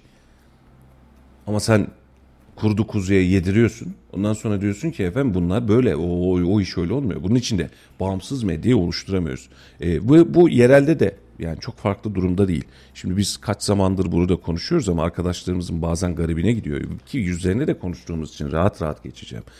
E, bir yerel medyanın da en büyük gelir kaynağının belediye falan olmaması lazım. O zaman sana hareket ettirmez seni. Rahat edemezsin. Nefes alamazsın. Yazamazsın kocaman bir e, şey görürsün, götürüm görürsün, kaçak görürsün, kocaman bir vurgun görürsün, yazamazsın. Ya da işte birilerinin söylediği gibi yazmadığından kazanmaya çalışırsın. Bak bu var bende derler, cebine 3 kuruş sıkıştırırlar, tamam dersin. Ya o Birileri gazeteci- 2500 lira para verir, köşe yazısı yazarsın. Yani bak bunlar önemli nitelikler. Yani şimdi bu bahsettiğimiz para mı? Ya paranın önemi yok ki. Ya- Biz hep söylüyoruz ya farenin geçtiği yerden fil de geçer diye. Sen bugün 2500 liraya yazı yazarsın 5000 liraya yarın üzerindeki kıyafeti alırlar seni. Mustafa'cığım vicdanıyla cüzdan arasında kaldığında cüzdanını tercih ediyor insanlar. Evet. Yani gazetecinin bu ayrımda kalmaması lazım. Basının bu ayrımı yaşamaması lazım ki vicdanıyla vatandaş için bir şeyler yapmalı. Bir şeyleri denetleyebilmeli. Ama herkes cüzdanın cüzdanın peşinde yani. Ya Ahmet Bey işte o cüzdanın e, meşhur İngiliz hakim hadisesi vardır, hikayesi vardır bilirsiniz ama Cübbenin cebi, cebinin Yok olmaması cep mı? hadisesi değil. Ee, hikaye budur ki aslı var mı bilmiyorum. İşte İngiltere'de e, hakimler istedik, ellerinde çekler var ve istedikleri kadar para alabiliyor. Ve bir gün 1 milyon sterlin yazıyor hakim. Götürüyor bankaya diyor ki ben bunu tahsil etmek istiyorum. Ne kadar istiyorsa kullanabiliyor sınırsız. Hikaye bu ama gerçek mi doğru mu bir değil mi bilmiyorum ama güzel hikayenin aslı güzel. Ee, daha sonrasında bankacı diyor ki efendim şu an itibariyle paramız yok. İki saat sonra gelirseniz paranızı hazırlayalım. Tamam diyor hakim gidiyor. Nakit de yok kasada. Ha, nakit yok kasada. İki saat sonra geliyor bir çantanın içerisinde 1 milyon sterlin. Buyurun efendim diyor. Diyor ki teşekkür ediyorum ben bunu almayacağım. Neden efendim diyor. Ben diyor kraliçenin bana ülkemin ne bana ne kadar güvendiğini, limitimin ne olduğunu merak etmiştim. Bunu denemek için geldim. Ben bu para istemiyorum diyor. Ee, soruşturma açılıyor ve görevden uzaklaştırılıyor. Sebep ne? Ülkene nasıl güvenmezsin sen diye. Şimdi bu özellikten şunu söyleyeceğim. Sen biraz önce söyledin ya. Cüzdanıyla vicdanı arasında sıkışmayacak bu gazeteci. Onun cüzdanı kendisine yetecek kadar dolu olacak. Bunun anlamı şu değil. İki tane daha villam olsun, üç tane daha şunum olsun değil. Açlıkla imtihan etmeyeceksin bu adam. Çünkü bu adam idealist bir adam ya. İdealliği üzerine bu iş yapılır. Yani bu iş devasa paralar kazandım diye yapılacak bir iş değil. Böyle de olmamalı. Ama sen burayı sağlaman lazım. Bunu da nasıl sağlıyorsun? Kanun rahat. Diyor ki basın ilan kurumu diye bir yer var. Ben sana diyor kamu ilanlarından ben sana bir bütçe yapayım ki sen ayakta dur. Ve bağımlı da kalma. Mahkeme kararını yayınla, icra satışı yayını. Bir şey yayınlamış ol. Ben de sana güzel para vereyim. Süper diyorsun. Harika diyorsun. Sonra bir bakıyorsun biri çıkıyor diyor ki gazeteler çok fazla bunları birleştirelim. Niye? Daha fazla para kazanalım. Peki 15 tane gazete. 15 tane gazetenin içerisinde çalışan her birinde 6'şer 7'şer kişilik kadro, devasa bir ekip. Yok yok boş ver onlar önemli değil. Patronlar bir parasını kazansın diyor. Gazeteyi birleştiriyorsun. Gazetenin satış adetlerini düşürüyorsun. Bu sadece Kayseri'de yapılmadı. Türkiye'nin birçok yerinde yapıldı bu operasyon. Tamam gazeteciler para kazanıyor. Meslektaşlar, çalışanlar bir yere yerleştiririz. Olmadı açıkta kalır. Tamam. Bunlar para kazandı tamam. Yine yazamıyor. Kanun var. Bununla alakalı seni açan bir kısım var da yine uygulama yok. Velhasıl kelam şu yani sevgili dostlar biz e, içinde bulduğumuz yani bunlarla sizi darlamak da istemiyoruz ama biz medyanın gazetecinin e, bağımsız olması gerektiği konusunda e, ortada net bir tavır sergilenmesi kanaatindeyiz. Ve bunu kamu özelinde de kanaatindeyiz. Şimdi birisi size iftira ediyorsa, asılsız bir iddiada bulunuyorsa, bu iddiayı yayınlarken yayınlamadan önce ya da yayınladıktan sonra sizden para talep ediyorsa bunun adı gazetecilik falan değildir. Bunun adı tetikçiliktir. Bu hatta hak gaspına girer. Bildiğin ağır cezalık bir konudur. Çünkü düşünsene ben seni silahla tehdit edip senden para almışım. Haberle tehdit edip senden para almışım. Bence ikisi de aynı. Net aynı doğru mu? Var mı fark eden bir şey? Çünkü ben senden gasp ediyorum.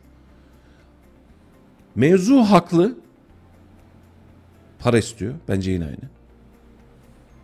Ama mevzu haksız ve iftira ediyorsa burada da devletin bir duruş sergilemesi lazım. De Şimdi dezenformasyon yasasıyla işte kaç gündür itirazları da var. Dezenformasyon yasasında da bu mevzu konuşuluyor.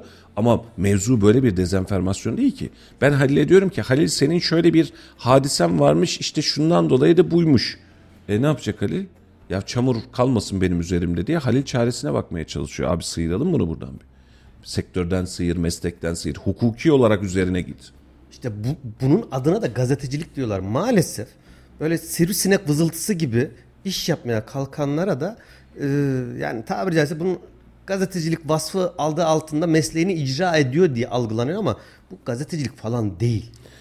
Bunu da öyle zannediyorlar. Ya mesleğin onurunu, mesleğin itibarını yerlere düşürmeyin. Bak gazetecilik başka bir şey, muhabirlik başka bir şey, e, habercilik başka bir şey. Sen bir şey araştırıyorsan o zaman bak şimdi hani araştırmacı gazeteci diye bir söz vardır ya hani araştırmacı gazeteci. Bak ne yapar adam? Önce bir konunun etraflarıyla araştırır. karşılıklılığıyla araştırır, derinlemesine inceler, sonra kendi yorumunu katar ve bunu da yazıya döker. Bu gazeteciliktir. Ama bizimkiler araştırmadan birçoğu yani tenzih ettiğim tabii ki e, gazetecilik mesleğini onuruyla e, layıkıyla yapmaya çalışan tabii ki çok değerli insanlar var. Ama bir taraftan da ayaklar altına alıp araştırmadan kulağına üflenen ya da cebine konan üç kuruşla hiçbir bilgi sahibi de olmadan sinek vızıltısı gibi de kendi kafasına göre yazmaya kalkan ve bunun adına da gazetecilik diyen ne diyeyim ya sahtekarlar var ya bu Burada- sahtekarlık başka bir şey. Halicim, e, Kayseri üzerinde Türkiye'de yani uzun zamandır içerisinde olduğumuz bir konu. Çok değerli kalemler var. Mutlaka. Şimdi e, o kadar değerli karakter yok sıkıntımız orada. Kalemleri çok değerli. Mesela aklı başında gerçekten gazetecilik yapmak istese taşı yerinden oynatabilecek, şehrine ülkesine menfaat sağlayabilecek, güzelleştirebilecek, eleştirirken yön verebilecek, kalemi düzgün insanlar var. Şimdi bu da bir sanattır. Evet. Şimdi kalemin düzgün ama beraberinde karakterinin de düzgün olması lazım. Bunu e, vızıltı olmasının sebebi de bu. Yani şöyle bir sebep. Şimdi diyorsun ki efendim yazıyorlar ama etkisi yok diyorsun. Doğru. E, buradaki en büyük problem şu. Vatandaşı salak yerine koyamayız. Vatandaş senin ne anlattığını, nereden anlattığını, yönlü mü bakıyorsun, yönsüz mü bakıyorsun? Bunu çok rahatlıkla görüyor. Şimdi e, bunu nasıl görüyor? Test ediyor seni. Bugün bir şey anlatıyorsun, yarın başka bir şey anlatıyorsun. Seni test ediyor. Ne oluyor Şimdi diyor. biraz önce de konuşalım dedik işte e, Memduh Büyükkılıç'ı dün yayına aldık. Uzun zamandır bazı konulardaki eleştirimiz vardı ki dün yayın saatimiz çok kısaydı biliyorsunuz. Yani Memduh Bey'in de programı vardı. Şimdi ben bunu sormazsam eleştirdiğim konuyu yüzüne okumazsam, cevabını istemezsem bu yayıncılık falan değil. Sormak zorundayız. Söylemek zorundayız. Konuşmak zorundayız. Vatandaş da bunun farkında. Vatandaş seni, beni e, sokakta görünce her gün tanımıyor. Ama şu an itibariyle dinliyorsa, sana yorum yapıyorsa ya da sana bir şey söylüyorsa diyor ki Aa, evet bu adamlar bir şey söylüyor. Ve senin sesinden, dokundan ve seçtiğin konudan samimiyetini inceliyor. Şimdi geçen gün şu hadiselerde bir arkadaşım yazıyor. Bir kamu e, e, kurumunda bir ilçe müdürü. Benim de arkadaşım, İmam Hatip'ten arkadaşım. Mustafa'cığım diyor. Söylediğin her konuya katılmasam da tabii ki böyle bir özgürlüğümüz var her birimiz. Destekçiniziz buradayız diyor. Şimdi mesele zaten bu. Benim her söylediğime katıl... Böyle bir şey var mı?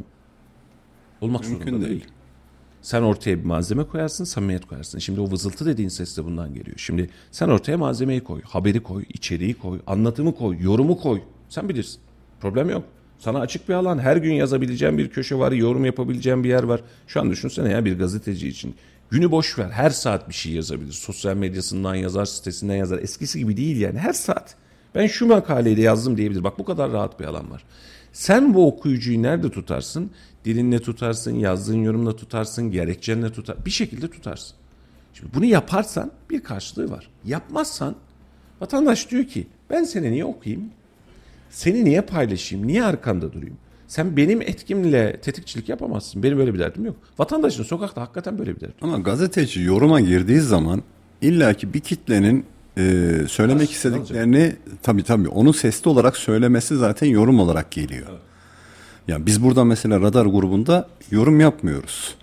Sadece olayı paylaşıyoruz. Yorum vatandaşın diyoruz. Yani ona katılan olur, karşı çıkan olur. Evet. Bir haberi paylaştığın zaman biz mümkün olduğu kadar hiçbir paylaşımda altına yorum yazmıyoruz. Yorumlara da yorum yazmıyoruz. Yani bizimle alakalı şahsi bir saldırı ya da bizim grubumuza karşı bir saldırı hakaret bir şey olmaz zaman onlara da girmiyoruz.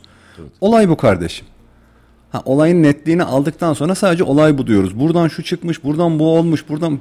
Bugüne kadar hiç öyle bir habercilik yapmadık. Hiç öyle bir paylaşımda da bulunmadık. Olduğu gibi tarafsız ve objektif bir gözle olduğu gibi. Şimdi kimilerine göre gazetecilik bir şeyleri alıp Bizim konuyu- yaptığımızı söylüyorum. Şimdi kimilerine göre de biraz önceki Mustafa'nın bahsettiği gazetecilik bir konuyu alacaksın. O konuda bir şeyleri yorumlayacaksın, yorumlayacaksın, yorumlayacaksın. Olayı yorumlamaya başladığın zaman daha da derinleştirdiğin zaman olayı bir taraflara çekmek zorunda kalırsın. Yani illaki bir tarafın e, karşına alırsın, bir tarafında istediği şekilde olayı yorumlarsın. Şimdi dün akşam bir ihbar geldi e, WhatsApp grubumuza. E, vatandaştan belge istedim. işte sağlıkla alakalı bir yerde Nisan ayında e, babasını ameliyat ettirmiş. Şimdi geldiği noktada da bahsettiği şey hiç konuyu falan detaylara girmeyeceğim. Üç ayrı hastaneden aslında öyle bir ameliyatın yapılmadığına dair bilgim var dedi. İsimler yazmış bilmem. Şimdi bu sosyal medya için sansasyon yapacak. Birilerinin eline şu mesaj geçti anında patlatacağı bir haber. Dedim ki ameliyat olduğunuza dair belge. Doktor raporunuz, reçeteniz, şununuz, bununuz, faturanız. Artık şimdiki hastanelerin aslında böyle bir ameliyatın yapılmadığına dair belgelerini, raporlarını gönderin, araştıralım. Araştıralım. Yani o belgenin de doğruluğunu araştıracağız. Bunu da böyle bir şey gelse yani vatandaş tamam göndereceğim dedi. Gönderir göndermez bilmiyorum. Bu sadece bir ihbardı. Bir sağlık kuruluşunda bir ameliyat yapılıyor. Nisan ayında bugün hangi aydayız? İşte aradan kaç ay geçmiş? 5-6 ay geçmiş. Kontrol için bir başka hastaneye gidiyorlar. Diyorlar ki sizin böyle bir ameliyatınız olmamış ki. Allah Allah. Çok acayip bir durum. Şimdi bu konuyu araştırır. Şimdi bunu ortaya atsam bu gazetecilik değil bence. İşte böyle olmuşmuş, böyle diyorlar. Böyle bir haber, böyle bir haber olmaz, böyle bir iddia olmaz. Şimdi zaten diyorlar yakında geliyor hadisesi bizi yoruyor. Gazeteci ya da samimiyet elinde evren varsa masaya koymaktır. Yayınlamaktır. Kamu yararını düşünerek yayınlamaktır. Sansasyon ve iftira olsun diye ya da sadece birilerinin karnı ağrısın sonra kapımı çalsınlar bir çanta bir şey gelsin diye bu iş yapılmaz. Yapılan var mı? Var. Ama bak bu iş böyle olmaz. Burada neyi kaybediyoruz? Mesela o doktora gözünü kapatıyorsun, başka bir doktor daha çıkıyor. Oradaki usulsüzlüğe gözünü kapatıyorsun, bir tık daha yükseğe gidiyor. Hep böyle olmadı mı? Yani sen boş ver dedikçe, adam sen dedikçe daha fazlası yaşanıyor. Ha şimdi konunun özüne dönecek olursak etki ve samimiyetin ötesinde e, biz ben e, iki yıl, e, üç yıl oldu Kayseri Bağımsız Gazeteciler Cemiyeti'ni kurduk. Şu an aktifte devam ediyor ama çok aktif görev yapmıyoruz. Başkan da benim. Orada bir manifesto açıklamamız vardı. Sizler hatırlarsınız. Evet. Bu ülkede sosyal medya meselesi bir beka meselesi. Medya meselesi de bir beka meselesi. İnandırıcı, düzgün, gerçekle örtüşen içerik üretmezseniz siz şimdi ayak oyunu yaparsınız. Dersiniz ki ben Halil'i çarpsam, Ahmet'i çarpsam ne yapsam? Küçük dünyanızda bine, iki bine, üç bine hayatınızı satarsınız. Ama ülke elden gidiyor.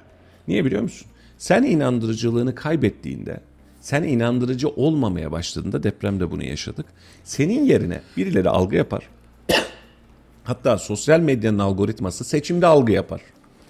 Seçimde seni ters köşeye düşürür. Sen seçimle gidip şu partiye oy vereceğim derken sosyal medya Amerika'dan bir tuşa basar. Algoritmayı sana çalıştır bir anda dersin ki bu parti önde değilmiş. Bunlar kaybediyormuş dersin. Bak bunu yapmak bu algoritmada mümkün. Ve bu bizim için bak çok ciddi bir beka meselesi. Şimdi şöyle düşünün Mısır'da başlayan ayaklanma, Rabia dediğimiz eylemlerin başlangıcında da sosyal medya var. Sen nasıl kullandığına bak bunu. Şimdi o gün sonuçta baktığında aa kardeşim biz başka bir şey getiriyoruz diyordum. Bugün bambaşka bir yerde Mısır. Ve sen bunu görmedin, göremedin oyunun içindeyken. Bunun için bizim tüm Türkiye genelinde sadece Kayseri yerel ilçeden bahsetmiyorum. Tüm Türkiye genelinde aklı başında kaynaklara ihtiyacımız var. Baktığın Ama... zaman doğru olduğunu hissedebileceğin, doğru olduğunu ikna edeceğim ve seni yönlendirecek. Mesela hani hep söylüyoruz ya İlber Ortaylı bir açıklama yaptığın zaman arkasından atmıyorsun adamın. Adamın güvenilir bir title'ı var, duruşu var doğru mu? Ve diyorsun ki İlber Hoca böyle demiş. Bu seni etkiliyor. Yani ruhunu etkiliyor, bakış açını etkiliyor. Diyorsun ki evet yani bu bir şey yapmış. Hukuk alanında Ersan Şen bir şey söylediği zaman adam bir şey söylüyor diyorsun. Hukuktan bahsederek anayasa hukukçusu olduğu için hukuktan bahsederek sana bir inanç veriyor. Her konuyu bilme şansımız var mı? Böyle bir dünya yok. Medya sana doğru haber verecek bir kalibrasyona gelmeli ki yereldeki ufak tefek meseleden bahsetmiyorum. Yarın bir gün bir şey olduğun zaman senin dezenformasyona karşı durabileceğin yer medya. Şimdi sosyal medyada o kadar e, sağlam veriler ortaya koyman lazım ki durumu çok net bir şekilde ortaya koyman lazım. Bunun karşılığında da vatandaş içerisinde bak depremde yaşadık bunu. Sen depremle alakalı 10 tane, 20 tane, 50 tane paylaşımda bulunuyorsun. Evet. Reel veriler diyorsun ki şurada şu oldu, burada bu oldu. Sadece net verileri veriyorsun. Uzmanları getiriyorsun. Burada canlı yayın alıyorsun. Uzmanlar sana bazı açıklamalar yapıyor. Sonra o uzmanın açıklamasında uzman sana diyor ki depremin karakteristiğiyle alakalı, geneliyle alakalı, dünyada nasıl olduğuyla alakalı bilimsel veriler sunuyor. Sonra onun altında yüzlerce yorum. Bilmem bir şey de gördüm. Çarşamba günü saat 14'te bilmem nerede deprem olacakmış. Evet. Ve bunu bir kişi iki kişi değil yüzlerce insan yazıyor. Bunlara böyle bir inanma şeysi var, güdüsü var insanlarda. Şimdi Ya hangi birine cevap vereceksin? Sen 50 tane haber yapmışsın, 500 tane adam saçma sapan bir konuda e, bir kehanetin e, peşinde yorum yapıyor. Bunlar da senin haberin kadar orada yer alıyor. evet. Bunların şimdi karşısında zaten- doğruyu bulmak zorundasın. Zaten Ahmet Bey şimdi habercinin güvenilirliği önemli. Sen bir şey yazdığında doğrudur dedirtebiliyorsan önemli. Bu da sana vatandaşın güveniyle alakalı. Haberi doğru vermenle alakalı. Düz durmanla alakalı. Yani diğer türlü şu oluyor. Efendim burada bu diyormuş. E ne yapayım ben diyor. Geçiyor gidiyor. Aslı yoktur diyor. E, yaşamadık mı bunu ya? Depremle alakalı bile salak saçma sitelerde bir sürü haber çıktı. Bir yerden duymuş. Deprem işe etkileşim alıyor çünkü. Şimdi diyorsun ki şu fay hattında şu olacak diyorsun. Herifi köpürtüyorsun. Abi en çok tıklanan o zaman deprem haberiydi. Mesela Kayseri'de deprem olacak mı? En çok tıklananlardan bir tanesi. Şimdi kalmadı o kadar.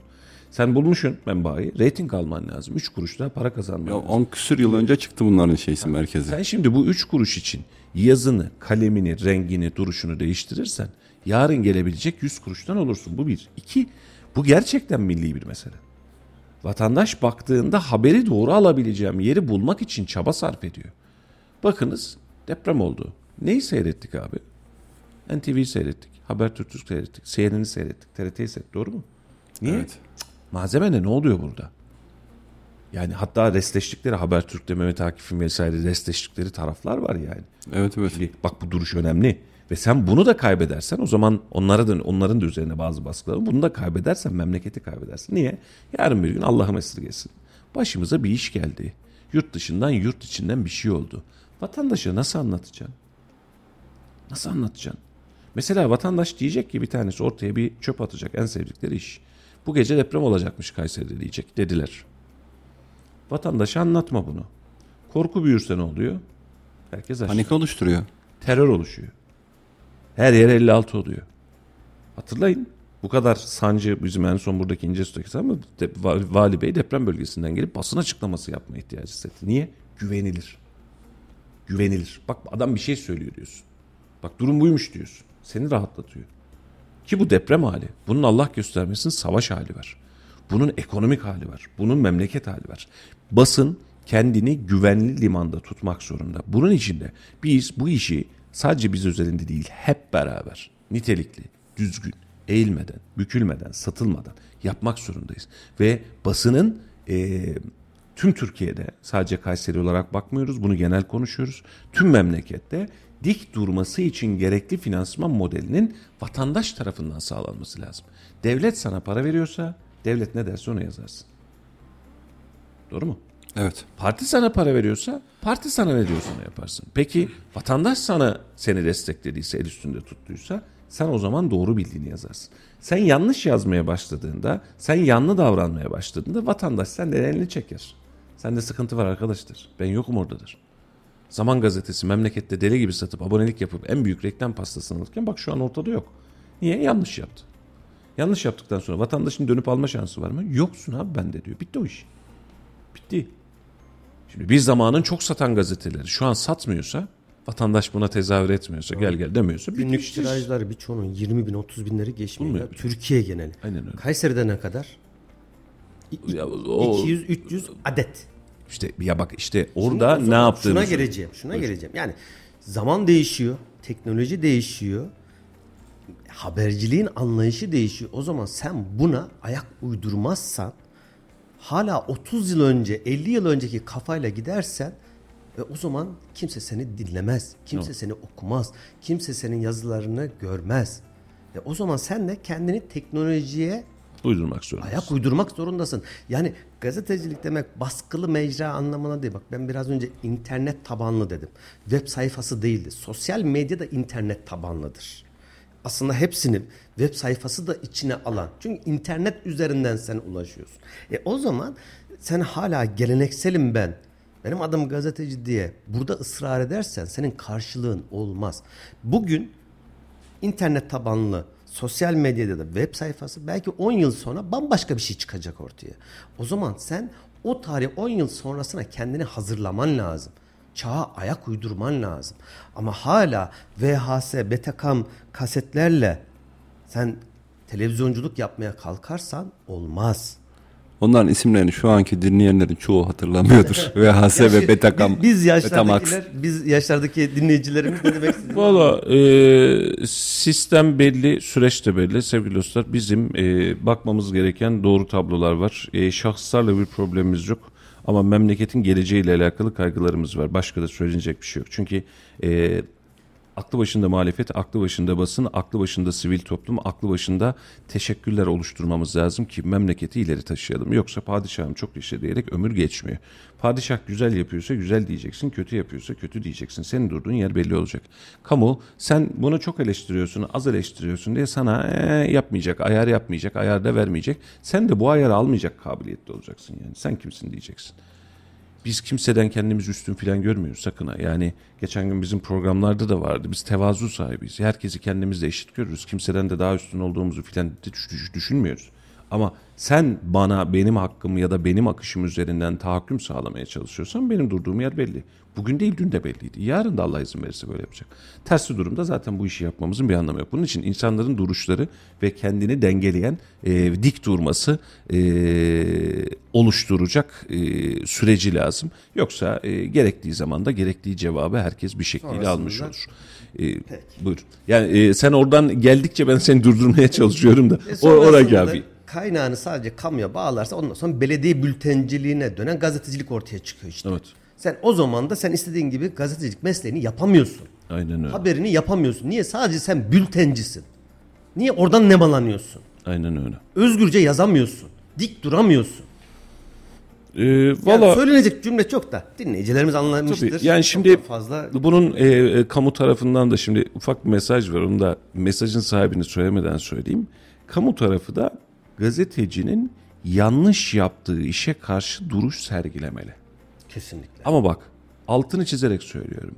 İftira varsa, iftira varsa, algı ya da çekçek yapıyorsa, Ya, bilerek yalan bilgiler varsa yapıyorsa ayar vermeyi boş verin. Ee, hakikaten siz de düz durun. Ee, bu saatten sonra kadrajınızı almayın. Yani hiçbir anlamda almayın. Yani para pul vesaireden bahsetmiyorum sadece. Bu mesele değil ki. Para bir şekilde rızık Allah'tan biz ona inanırız o gelir. Ama durduğunuz yer dursun. Adam bugün size küfür ediyor. Höt diyorsunuz. Adam yarın sizle alakalı canım başkanım diyor. Canım benim diyorsunuz. Siz de orada bir ayar vereceksiniz. Yani bugün adam eğriyse yarın doğrulacak diye e, bir hadisemiz yok. Sevgili dostlar kentsel dönüşüm yasası ile alakalı önemli bir mevzuat değişikliği var. Aslında bunu da konuşmak istiyorduk ama biz bir mevzuya girince öbür mevzudan çıkamıyoruz. Hakkınızı helal edin. Birazcık sektörün sıkıntıları veya Türkiye genelindeki bu sıkıntılarla alakalı son dönemde başınızı artıyoruz ama gerçekten bu sadece benim, senin, onun ya da işte Ahmet Bey ilgilendiriyor, işte e, Mehmet'i ilgilendiriyor diyeceğimiz bir mesele değil. Bu mesele memleket meselesi. Hepimize lazım çünkü arkasından gideceğimiz, duracağımız, inanacağımız e, bir e, sürece bir ve bir medyaya ihtiyacımız var. Biz müsaade istiyoruz. Yarın yine Allah'tan mani gelmezse aynı saatlerde sizlerle birlikte olacağız efendim. Yarına kadar kendinize iyi bakın. Laf sokaktayla sona eriyoruz. CHP'de değişimi nasıl buluyorsunuz? Konumuz bu. Doğrudur. Ee, sokağa sormuşuz bakalım sokak ne diyor değişimle alakalı. Sokaktan da bunun cevabını alalım. Biz yarın inşallah yeniden aynı saatlerde sizlerle birlikte olacağız. Yarına, yarına dek kendinize iyi bakın efendim. Yeniden görüşmek üzere. Hoşçakalın. Hoşçakalın. Hoşçakalın. Yani bu süreçte ben çok bir değişim olacağını düşünmüyorum. Çünkü çoğu seçmenini küstürmüş durumda şu anda zaten. Valla çok bir değiştiğini düşünmüyorum ya. Yani biri gitti diğeri geldi diyebilirim yani. Selahattin Demirtaş demesin. Dediği sürece kaybeder. Hafta sonu yapılan Cumhuriyet Halk Partisi kurultayında genel başkanlık seçimini kazanan Özgür Özel bugün yapılan törenle görevi Kemal Kılıçdaroğlu'ndan devraldı. Özgür Özel'in genel başkan seçilmesiyle birlikte CHP'deki değişim nasıl buluyorsunuz? Valla e, pek Özgür Özel'e inanmıyorum. Ama yine de İmamoğlu diyorum ben. Ya inşallah iyi olur yani bir şey de diyemiyorum. Adam da karalamak da istemiyorum. Ama hedefimiz İmamoğlu diyorum ben. Selahattin Demirtaş demesin. Dediği sürece kaybeder. Vallahi şimdi şöyle söyleyeyim. CHP yani eski CHP değil. Atatürk ülkelerinden vazgeçmiş CHP vardı zaten. Halkın, ben bir fiil CHP'ye oy atmış bir insan olarak Kemal Kılıçdaroğlu için halkın istekleri önemli olsaydı seçimde aday olmazdı. Özgür Özel seçildi. Bakacağız göreceğiz yani. Ya ben kanın tazelerini düşünüyorum açıkçası. Ama yani bu süreçte ben çok bir değişim olacağını düşünmüyorum. Çünkü çoğu seçmenini küstürmüş durumda şu anda zaten.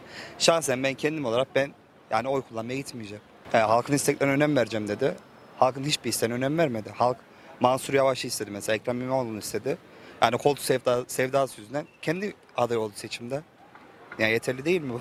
Atatürkçü bir insan kalkıp da terör destekçilerini savunmaz. Atatürk ve ilke ve inkılaplarını kullanarak yalanda bütün şeyleri yanına alıp da Kılıçdaroğlu'nu bak ben CHP'li değilim ama Kılıçdaroğlu'nu satan bir zihniyet ülkeyi de satar. Yani aynı süreci ilerleyecek gibime göre gibi görüyorum. Çünkü açıklamalar aynı. Aynı kişiler selamlıyorlar. Aynı düşünceler sahipler. Bu kadar. Yani artacağını düşünmüyorum. Aynı söylemleri yapan bir insanın oylarını artıracağını nasıl bir yol izleyeceğini de aynı şekilde ilerleyeceğini düşünüyorum. Bu kadar.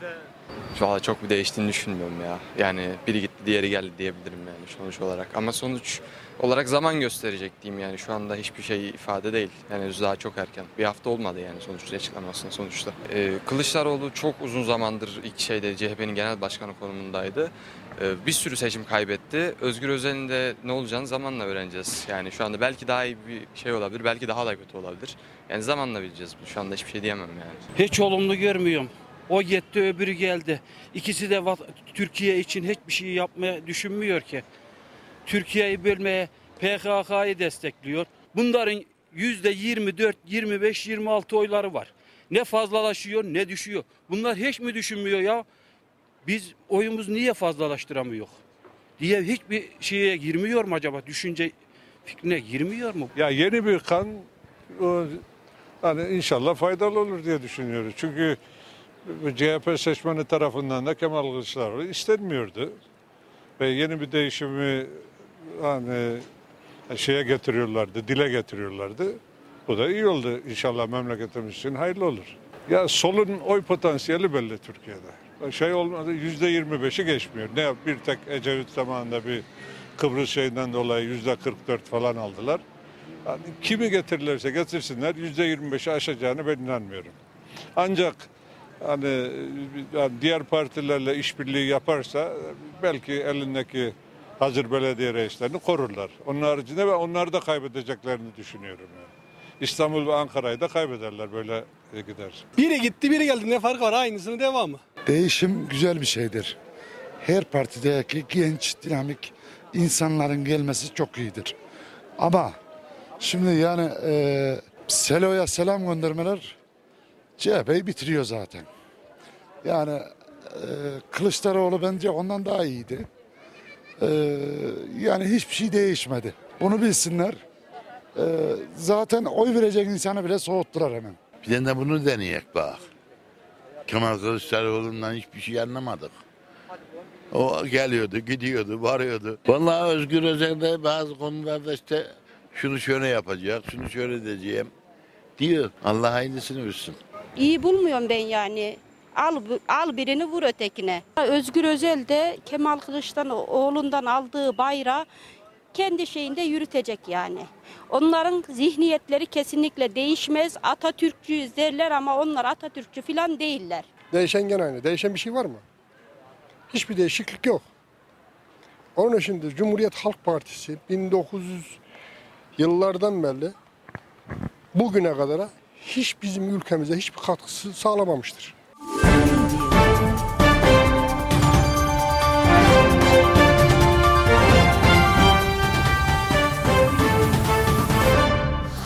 Radyo Radar yol açık sona erdi.